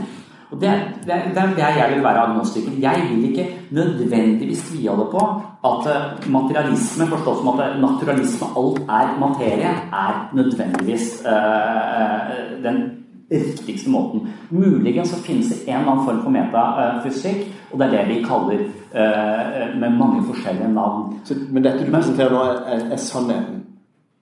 Nei, det er veldig usikker på det. Uh, men, men du, jeg, jeg, jeg, kan ikke vite det. Nei, jeg kan ikke vite det, men jeg presenterer det som en sannhet. Gjør du ikke det? For du sier jo at du tror det er sånn. Jeg, jeg presenterer sånn alle argumentene jeg hører, så tenker jeg det, det, det ville helles mest mot Jeg tror vi aldri kommer dit. Vi, men det er en sannhet for deg, sånn som du ser det nå? Så langt som du ser? Ja, men jeg, jeg har jo utgangspunkt at jeg ikke tror på tankene og følelsene mine, så derfor så kan jeg ikke ta det som en absolutt sannhet. Men jeg mener at det, Men da er det ikke vits å snakke sammen Jo, vi, vi, jeg mener vi kan nærme oss en forståelse. Hvis du sier at eh, Gud er et esel eh, med, med uten hale, så kan jeg si Eller Flying Spaghetti Monster. ikke sant? Ja, Flying Spaghetti Monster. Så kan jeg si at, eh, at det tror jeg er lenger fra enn den abstrakte guden jeg nå mener eh, å kanskje fornemme. Men poenget mitt var bare at du argumenterer for det syn som du har. og det er blant annet, altså Relativismen er jo på den måten her at, det, at det, vi, vi kjenner alle vi kan, ikke, vi kan ikke se, vi kjenner, og så beskriver vi en elefant. Jeg beskriver mm. beina som noen søyler, og du beskriver halen, og noen beskriver øret. Ja. Nei, det er ikke du. Men du ser at alle de andre beskriver deler av elefanten. Og så sitter du i rommet og så ser du at, det, at det dere gjør, at dere beskriver bare forskjellige deler. Det dere egentlig beskriver, er det samme. Dere beskriver alle deler av en elefant. Og da For å ha den holdninga som du har, så har du en eksklusiv holdning som egentlig også er sannhets... Altså krever å bli oppfattet som sant. Så det er på en måte det det er jo egentlig toleransens intoleranse, hvor du på en måte skal si at ja, men alle deler er like sant. Alt er like sant. Ja, men det er også Når jeg sier det alt er like sant, så hevder jeg også en sannhet som er absolutt. Så når jeg står og ser på 100 mennesker med hver sin religion, og alle er like overbevisende som det du er Ja. Og, og, og når, når mennesker forholder seg Når de også er på en slags uh, samling sammen eh, Så du tror ikke at de ville Den mest ydmyke holdningen da vil være altså Kanskje vi er inne på noe alle sammen, men at vi har litt fortellinger som fører oss i den, på et eller annet måte i den samme retningen. Men vi kan jo aldri vite sikkert. Ingen har sett Gud. Gud er ufattelig. Eh, men vi har ulike fortellinger som skal nærme oss noe som er større enn mennesket. Og det, det, det vil vi Ville vi ville, vil det være en uh, Det er veldig mye mer ydmykt, men det er like ekskluderende å si at alt er like sant, som å si at en del er sant. Og det er det som på en måte er den, den utfordringa med på en måte å ha et sånt syn. Det, det høres veldig flott ut. Ja, men jeg tror på alle. Alt er så fint. Alt er like sant. Men idet jeg sier at alt er like sant, så er det like ekskluderende. For det krever også å oppfattes som sant. Det er en absolutt sannhet, det også. Følger du meg? Men jeg, jeg, syns, ikke det Nei? eh, Men jeg, jeg synes du, du får presentere en sannhet som jeg, jeg synes du har masse fine tanker i forhold til det, men jeg opplever også at du at du presenterer det syn som du har, som at hvis du hadde fått dette budskapet ut til alle i verden, så hadde alle skjønt hvordan ting egentlig hang sammen. Så hvis du bare får ut det budskapet du har, så vil folk da se at det er ikke sin religion som er den eneste sanne, men på en måte? Og da blir det også et budskap som krever å være sant. Jeg tror vi lever i en verden som nå er global, hvor vi har fått så mange perspektiver på ting. Og det å begynne å løfte disse perspektivene opp og se på likhet istedenfor å krangle om eh, Jesus er en profet eller om han er Guds sønn eh, altså det, altså det å se på disse religiøse fortellingene og, og, så, løftet blikket eh, litt og sett litt ut, utover, ville være en bedre idé for verdenssamfunnet. Men det å avvise all religion, det tror jeg heller ikke nødvendigvis er den, eh, er den beste ideen. For jeg tror det vil være å miste vårt psykologiske immunforsvar, vår kollektive eh, på en måte åndelig veiledning til hvordan vi skal leve dette livet. Og det har vi ikke genetisk i oss. Nei, men det en mening der ute. Det en mening som du skal finne. Og det en mening der ute? Jeg tror at meningen er i det kollektive. Eh, at, at, kommer noen flere spørsmål. kan fortsette i- ja. Ja. Ja. Jo, for du sa eh, Sondre, du sa i stad at eh, hvordan vi oppfatter Å. Det er, en. Ja, Puls. Jeg har advokaten her. Eh, jo, du sa at om vi oppfatter det er relativt. Altså, alle oppfatter ting på helt forskjellig måte, og virkeligheten vår er forskjellig. Mm. Det har du sagt nå i en time. Eh, og det, det er din oppfatning. Men så, altså, Rune sitter der og sier det han sier, og ser ut slik han gjør. Det er ikke relativt. Men hvordan vi oppfatter han, og det er liksom alle, alle adjektivene som kan beskrive det vi ser, det er helt relativt. Det er helt forskjellig. Altså, utifra, altså, alle som sitter her i salen. Men at han sitter der som et substantiv, som et menneske og som en pastor, det er ikke relativt. Det er slik jeg oppfatter det. Jeg oppfatter at du mener at det er relativt, at alle er oppfattet ulikt. Men han sitter jo her som et menneske, som en legemann, som en pastor. Men hvordan du oppfatter han som person, altså alle adjektivene som kan beskrive det vi ser, det er helt relativt. Men ikke substantivet som er der. For det er forskjell på de to tingene. Ja, jeg, jeg, ja det, det kan godt Jeg tror heller ikke at jeg, at eh, jeg, jeg har ikke en sånn solipsistisk syn på ting. At, at det eneste at alle dere er slags uh, uh, generert av min bevissthet. Men det kan være det, for det kan hende jeg drømmer. Det kan jeg dypest sett ikke, så plutselig så våkner jeg. Det handler om synet, men ikke vår oppfattelse. Altså, hvis du har en effekt på synet og hjernen, altså et eller annet kobling igjen, så skjønner jeg at du ikke ser alt. Nei, men- men hvis du ikke har det Men la oss si alt. til og med på synet vårt så ser vi Det, det fins en sånn optisk illusjon hvor du har to piler. Hvor, det, hvor eh, det, den bakre delen av pilen går ut, og så peker de innover på den andre eh, pilen. For oss så ser det ut som disse pilene har forskjellig lengde, så sier vi den er lengst. Hvis du legger det oppå hverandre, så sier du oi, det var en optisk illusjon. De er visst like lange. Hvis du tar Optisk illusjon. Ja, hvis, hvis, hvis, hvis, du tar, hvis du tar den der og viser den til folk som går ut i bushen, som ikke bor rundt firkanter og lever i et urbant verden, som lever eh, i skogen, så vil de umiddelbart se at de er like lange. De vil ikke Persepsjonen deres av virkeligheten vil være annerledes enn vår persepsjon. Fysiske persepsjon av virkeligheten vil være forskjellig fordi at vi lever helt andre omstendigheter. Så selv hvordan vi ser ting, vil, kan være, eh, være høyt. Jeg opplever deg som min mentale modell av deg inni mitt hode.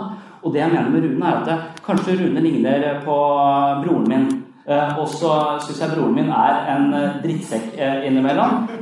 Og, så, tenker jeg han er litt lik han altså, Så jeg tilskriver han i min oppfattelse av alt rundt meg, farges av alle mine, mitt blodsukker, alle mine erfaringer. Derfor så blir det ingen, ingen sannhet.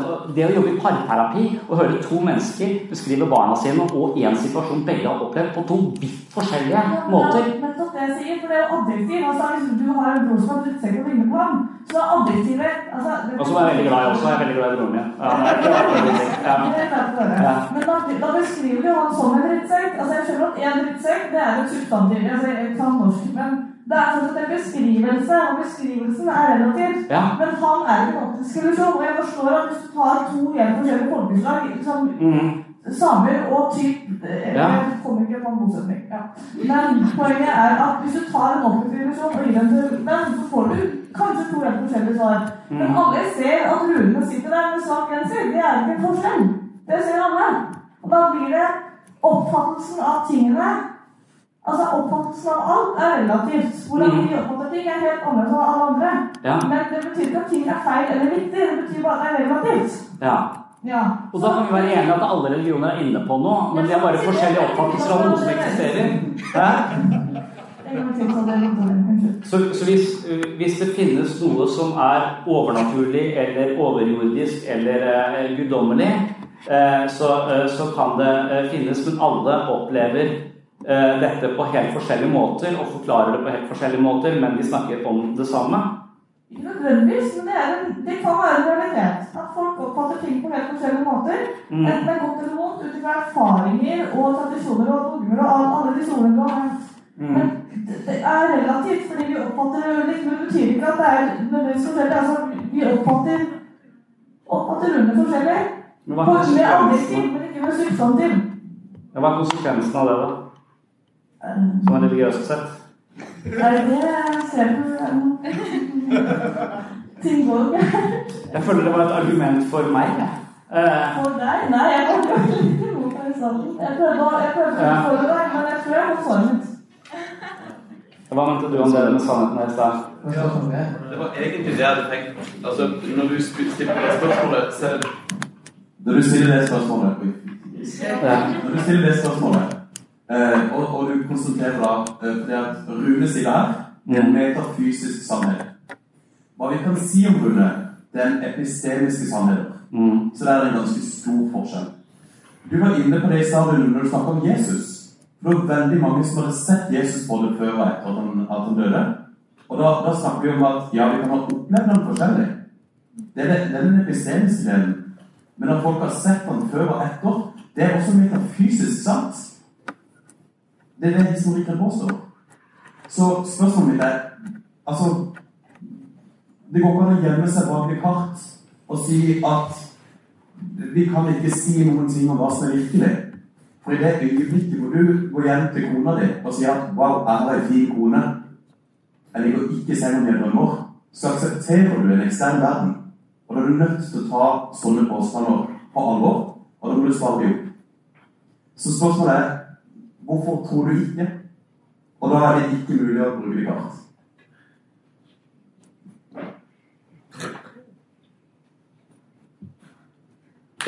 Så, så, men Jesus øh, hvor, Så da er Jesus en profet? Da er han skutt sønn? Det er jo veldig mange som strides om, f.eks. to store religioner. Eh, og hvorfor blir ikke de enige, da, hvis det finnes en eh, absolutt sannhet på det? Er det fordi de andre tar feil? Ja, noen må nødvendigvis ta feil hvis to mener to forskjellige ting, og en av er riktig. Eller de mener tre forskjellige ting, og en, en ting i virkeligheten. Og da snakker vi om metafysisk virkelighet. Noe som faktisk har skjedd, er jo noe som faktisk har skjedd, uavhengig av hvordan det er opplevd av forskjellige mennesker. Kan, kan Gud være til og ikke til på samme tid? Hvis det oppleves sant fra forskjellige personer, kan vi oppleve at Gud fins og ikke fins? Det er liksom litt det poenget Hvis vi tror at noe fins som absolutt sant et sted der ute, men vi klarer ikke å se det fulle og hele bildet av det Ja. Det er derfor vi har toleranse og respekt for det, at vi ikke klarer oss å se, se, se det. Eh, Og Derfor så vil jeg ikke slå Bibelen i hodet på det. Jeg vil respektere ditt syn. Fordi jeg kan ikke se det fulle og hele bildet. Men jeg tror det fins noe der ute. Ja, og det, det forholder jeg meg agnostisk til. Og, og basert på vitenskapen, hvordan vi forsker på vitenskapen, så kan vi på bakgrunn av det vi forsker og måler og veier her, si at det må finnes noe utenfor dette universet som må være evig, som må være personlig, og mange sånne elementer. Og det gjør at dette ikke er bevis for Gud. Du kan ikke få to streker under svaret, men du kan finne at det er gode argumenter for at det fins noe der ute som de kristne kaller for Gud, og som egentlig mange mennesker kaller for Gud. Men vi kan ikke bevise det. Og den samtalen om det med, her, det med at vi er simulering, og at noen sitter og spiller oss osv. Uansett, det kan godt være det. Men da er da er det mening med det. Da er det noe utenfor her som er mening. Hvis man ikke tror på Gud. Hvis du tar vekk Gud, så er det per definisjon ingen mening med at du er til. Du kan fylle livet med mening, men per definisjon, når alt er blitt til av seg sjøl og ingen hensikt, så er det ingen hensikt med at vi, vi er her. For meg så krever det større tro å tenke at det, at ikke skal være en hensikt, at det ikke skal være noen mening med livet. For det fins heller ingen mening med livet hvis ikke det er en mening med at vi er til. Grunnleggende mening. Du kan fylle livet ditt med masse mening. Men, men jeg Men mener er fortsatt at, at det, det, da, da nærmer vi oss at når jeg møter mennesker som er religiøse, så forstår altså, La oss si Rune er Gud. Eh, Så har de veldig forskjellig oppfattelse av, av Rune. Eh, Så, så kommer, på samme dagen så kommer det en inn på kontoret mitt som sier at dette blir siste time. Eh, Hvorfor det? Du var jo helt i kjelleren i forrige uke. Jo, for jeg har funnet ut at det er noe som er større enn meg. Det er en som ser meg, og det er en som følger meg. Og du vil ikke tro på det, for du er ateist. Så, men, men jeg har blitt kristen, og jeg har en som følger meg, og jeg er ikke alene lenger. Så livet mitt har fått en helt annen betydning. Jeg har blitt sett. Men jeg må fullføre og, og, Mens to timer etterpå så kommer en annen full av uh, uh, uro fordi at han har en gud uh, som ser alle tankene hans, og han har surfa porno på nett. Og, og han mener seg sett, og, og hele tiden så, så denne straffende guden, så den guden som eventuelt eksisterer, den er jo skapt i vårt bilde, for du har en som er nær, eller du har en gud som er fjern, du har en gud som er streng, du har en gud som er snill. Så- Gudsbilder. Ja, så det har masse gudsbilder. Ja, Og, Det er ikke det vi snakker om. ikke sant? Vi tror ikke på det. Nei, er men, men, men, men da tenker jeg at hvis at du skal ha meg med på lasset, så, så kan vi ha en vi kan være en, Kanskje det finnes noe der Ja, oppe. Jeg må okay. prøve å være agnostisk til det. Ja. Jeg, jeg kan ikke vite det. For jeg, øh, men, Men det fins gode argumenter for at det finnes mer enn at bare ting skjedde av seg sjøl. Til. Det vil jeg argumentere for. Ja, det men, er jeg vil men, men det er da, det er da denne guden, øh, som du sier er så abstrakt, begynner å bry seg om hvem du har sex med. Det er da han blir sånn Wow! er ikke dette, Da blir han jo så bitte liten. Da blir han jo så konkret og barnslig for meg. Altså, hvis, han, hvis vi forholder oss til dette, vi kan, dette at vi alle kan forstå det på ulike måter, og hvis jeg er enig i det, så, så vil han ikke være homofob. Han, han vil ikke være imot er like kjønn. det er Nei, sånn- han, han vil ikke være imot like Han vil ikke bry seg om folk som er av samme kjønn, har lyst til å leve sammen. Han Ok, vil ikke gi noen føringer på de tingene der. sånn. Da blir han utrolig konkret. Veldig Og da har du Jeg tror vi går litt videre. Kjempebra. Eh, det smaker og. Vi har to siste spørsmål nå, tror jeg. Skal vi eh, avslutte? Ja, tusen takk Sandre og Rune for at dere er her i dag. Eh, Jeg vil spørre Sandre om hva du mener med at eh, religion kan være et mentalt immunforsvar. Det er jo et begrep du bruker, så jeg syns det er litt interessant. Og så vil jeg også spørre om hvorfor du, Sondre, er medlem av Den norske kirke når du ikke tror på denne absolutte sannheten om at det kan være en Jo, for det jeg mener at, at eh, jeg, jeg, min kritikk av eh, Rune sin tro f.eks. er at jeg syns den blir for konkret. og for, eh, men, men, jeg tror kanskje at det, det går an å bli guddommelig god i basketball. Du går an å bli guddommelig god med ord. Du går an å bli guddommelig Jeg tror at vi har utviklingslinjer, og at det finnes en måte å vokse på. og det, vi også, også det har et åndelig behov eh, som ikke krever at jeg tror noe absolutt om det eller det. Men kanskje så, så tenker jeg vel Jeg er litt sånn tilhengeren av Joseph Campbell også, som sier at eh, mytologien vår er på en måte universets sanger. Det er støttespillet vi har i livet vårt for å leve. Altså En fugl har alt det trenger for å overleve koda i DNA-et sitt og i reflekser. Mens mennesker har ikke alt vi trenger for å overleve koda i refleksene våre. Vi har, vi på en måte, vi har en kulturarv. Vi, har, vi, kan på en måte forstå hva andre mennesker har forstått tidligere. Og det kan hjelpe oss til å leve nå. Det er på en måte en del av det typisk menneskelige eh, for oss.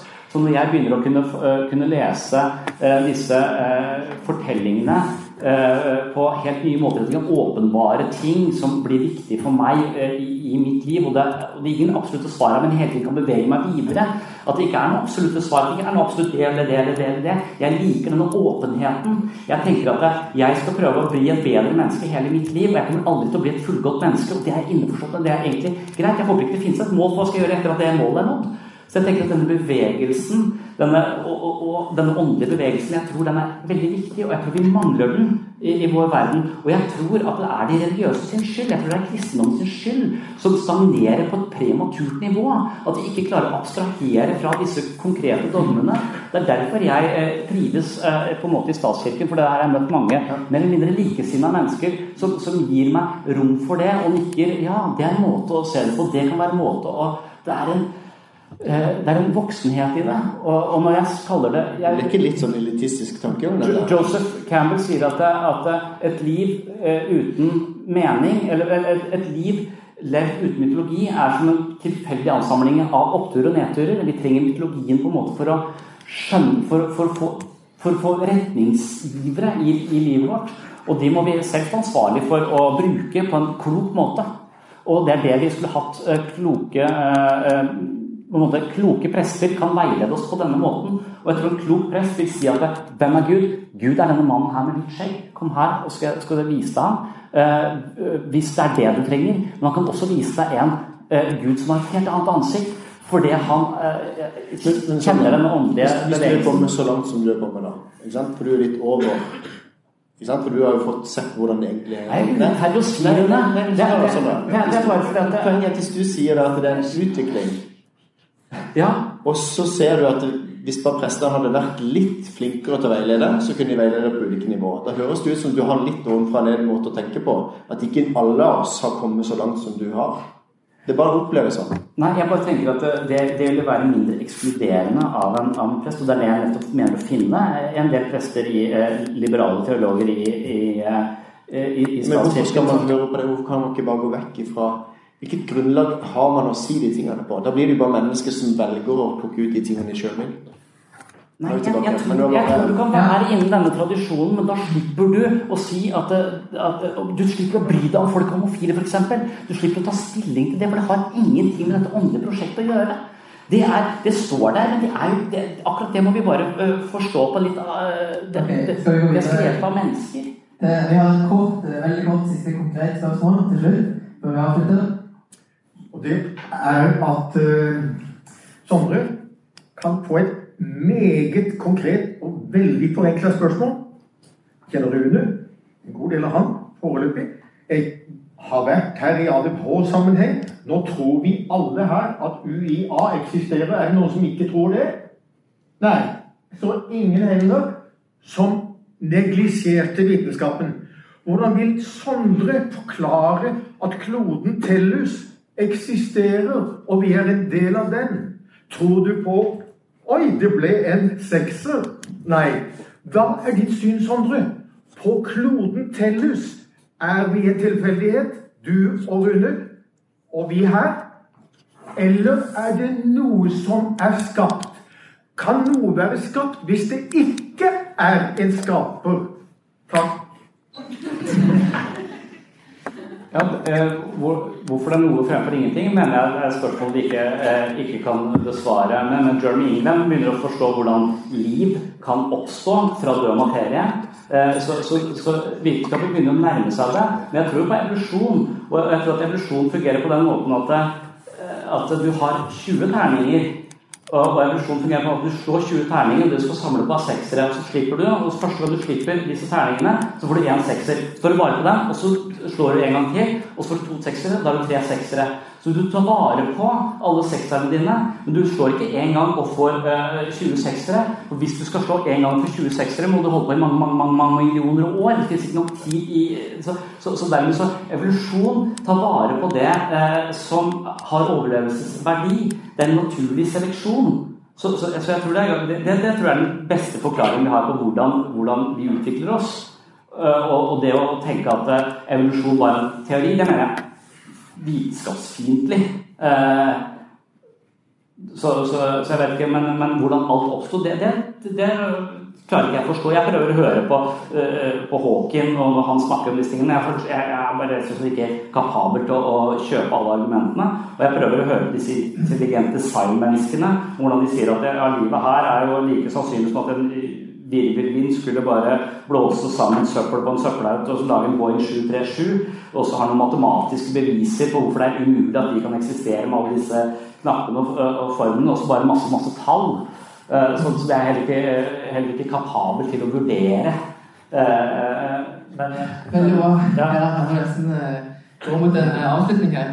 Det går igjen, så det er veldig gøy. Um, konge som var som er mange involvert og mye spørsmål og mye bra dialog. Um, uh, før uh, Nå var det litt ønske om at vi kan ta en liten tre minutter hver på å bare oppsummere uh, litt sine tanker som vi har prøvd nå. Jeg har tida på dem, så da får dere de tre minuttene. og så jeg vil også si litt om i morgen. Kvart over tre her igjen så er det en del av Skepsisuka. Det er også noe som skjer på torsdag. Samme tid her. Så i morgen er det et lite eh, glipe, men det er et seminar om eh, universet, eller det sjokkerende universet. Eh, han eh, som kommer, er en biolog. Fysiker. Fysiker. Han har skrevet en del lærebøker, har forstått, om, eh, om temaet. Eh, veldig viktig. Og han skal snakke om universet og hvordan det går an å tro på Gud, blant annet. Og, og en del spørsmål rundt det. Er veldig spennende. Han har mye kunnskap. Um, og så på torsdag så blir det Grille kristen. Kanskje noen av dere var på det i høst, men det er kjempespennende, syns jeg. Da har vi litt sånn nå, bare da har vi et panel med eh, kristne. Vi sitter her foran og så tar vi kritiske spørsmål eller kritiske spørsmål fra salen. Da skal annet Leif Egil sitte, sitte og smile der. Han skal sitte i panelet, så han gleder seg nok til det. Han skal derfor grille. Men eh, konge, da kjører vi eh, tre minutter Hvem vil begynne? Jeg kan begynne. Altså, ok, vær. Det som jeg opplever, er at eh, det blir liksom på en måte litt kunstig, for at det, man vil eh, trenger så lange resonnement for å kunne si ulike ting osv. Men, men det som jeg syns er fint med dette, er at vi, eh, at vi våger å stille de spørsmålene. Det er ikke noe arena til å ta opp disse tingene. Og jeg opplever at f.eks. sånne ting som med The Big Bang osv. Jeg tror det er mulig å tro på The Big Bang og tro på evolusjonen også som kristen, men at man ikke på en måte utelukker Gud eh, og, og tar vekk Han. Eh, og det som er interessant for meg, er at jeg ennå ikke har fått noen gode svar for deg så lenge vi har pratet sammen, på hvordan du kan begrunne frivillige, eh, bevissthet, moral, mening Alle disse tingene som jeg da tar opp i denne boka, eller kritiserer denne boka her. For humanetikeren han kan gjerne tro på at verden er blitt til av ingenting. Men da har du ingen begrunna tro på menneskets verdi, moral og mening osv. Men hvis Gud fins, så har vi en velbegrunna tro på at mennesket er verdifullt. Og vi har satt øverst i skaperverket. Hvis Gud finnes, så har vi mening med livet osv. Vi har begrunna tro på moral osv. Derfor så opplever jeg at Og det har også vært en ting som du har sagt, Sondre. Du trenger ikke svare på det nå, men det opplever jeg at du har sagt tidligere òg, at det er en av de vanskeligste tingene for deg, er dette med frivillige. For du liker å tenke at du har en frivillige. Og at det gjør for din del at du synes det er vanskelig å utelukke at det må være noe mer for at det skal bare være en naturalistisk prosess, og at alt bare som skjer, er årsak-virkning, årsak-virkning, årsak-virkning. Og grunnen til at du handler sånn, egentlig, du har ikke noe valg, for det bare skjer. Så, så det er på en måte en ting som har gjort at du er åpen for at det er noe mer. Så har ikke jeg lyst til å på en måte være sånn Når jeg sitter her nå, så kunne jeg gjerne Det er mange ting jeg har lyst til å kommentere. Det merker dere at det er vanskelig å ikke gå inn i dybden på det. Men jeg har lyst til å utfordre alle til, som er her, og som våger å gå i dybden på disse spørsmålene her. Eh, Grillen kristen er begynnelsen på, på noen svar. Og jeg har vært med å skrive ett av de svarene på, eh, av de 20 spørsmålene. Og, og syns at boka har de 19 andre er veldig gode svar. Så jeg har lyst til å anbefale den. Og så våg å stille spørsmål. Ikke, ikke la det være sånn at man må velge mellom Gud og vitenskapen. Jeg tror på både Gud og vitenskap. For alternativet til Gud er ikke Gud. Og ateisme krever mye større tro for min del.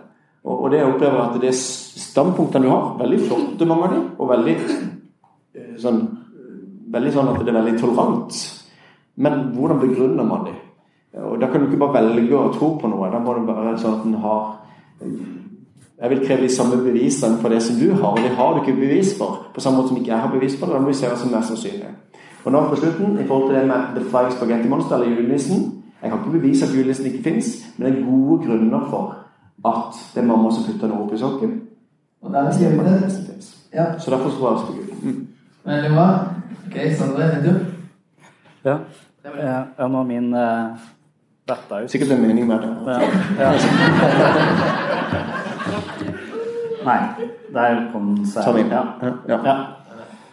Eh, nei, jeg vet ikke om jeg har så, uh, så, så mye mer, mer, å si. Altså, eh, eh, hvordan jeg begrunner mening og, og jeg opplever at det er veldig mange ting som er meningsfullt. Eh, Jeg opplever at det å ha barn er meningsfullt. Jeg, det er vi enige om at det er noe annet. Bare fortsatt det er grunn, grunnleggende mening. Ja, men jeg er så, og, jeg er nok ikke så opptatt av det, det, det eh, jeg, jeg mener at det å forholde seg agnostisk til de spørsmålene vi eh, foreløpig ikke kan vite, er den mest fornuftige eh, posisjonen å ha. Altså, jeg kan ikke, jeg, jeg kan ikke vite dette eh, med, med, med sikkerhet, og da, da forholder jeg meg til det.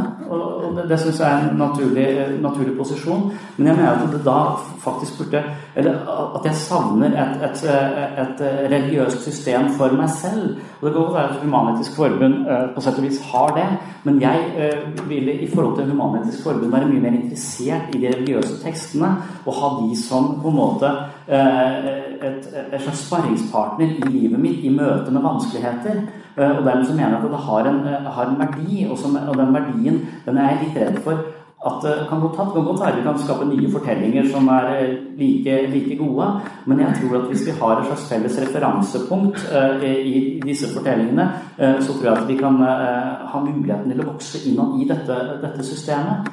Eh, Og det vil være min, eh, min appell til, liksom, til, Den norske kirke. Hvis det stemmer at den mister tilhengere, og hvis det stemmer at vi på en måte vi blir mindre og mindre åndelige fordi vi kanskje har det, eh, har det så bra, så tenker jeg at det er veldig mange ting som, eh, som er viktig å, å, å huske på, eh, og som kanskje mytologien vår er med på å minne oss på, og som en særdeles viktig del av det å være menneske. Og det er ikke en fysisk del. Historier er ikke fysiske, de er metafysiske. Det er noe som er overlevert i eh, det er jo konsepter, metaforer, ideer som vi kan eh, vokse, vokse i forhold til. Eh, og, der tenker jeg at vi, vi er tjent med å begynne å lese disse Jeg tror at vi er nødt til å begynne å lese Bibelen med mer psykologiske briller. Og på en sånn måte at vi kan gi mennesker en slags psykologisk, åndelig eh, dimensjon i livet sitt uten at de trenger å ta stilling til likekjønna ekteskap eller ha en mening eh, om eh, jomfrufødsel som strider imot alt vi vet om, eh, om biologi. For meg så trenger, blir ikke Gud mindre hvis det finnes noe som er Gud. Blir ikke mindre hvis jomfrufødsel ikke faktisk har funnet sted. For meg så ville det være totalt irrelevant. Altså, Hva er dybden i disse fortellingene? Og Hvis det hadde vært fokus hele tiden, så kunne vi rommet mange flere eh, enn en man gjør da. For, for jeg, tror, jeg tror dere mister folk på eh, på å ha ganske bombastiske holdninger til verdispørsmål i en moderne tid eh, som, eh, som jeg ikke tror Hvis det fantes en gud som satt og så på og sa drit i det. Alright, da er tida ute. Veldig bra. Kan vi gi en kjempeapplaus til Rune og Sondre?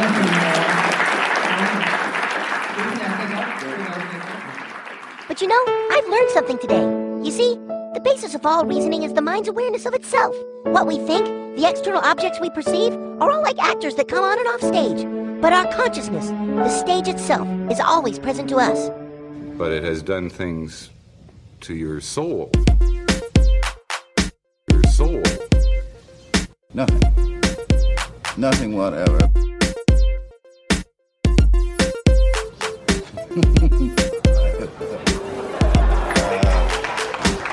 No, this is a uh, serious question, not a.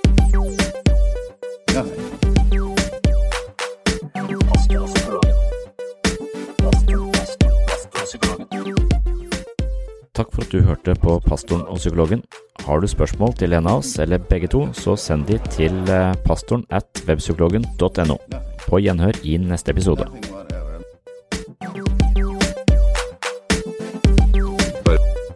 Soul.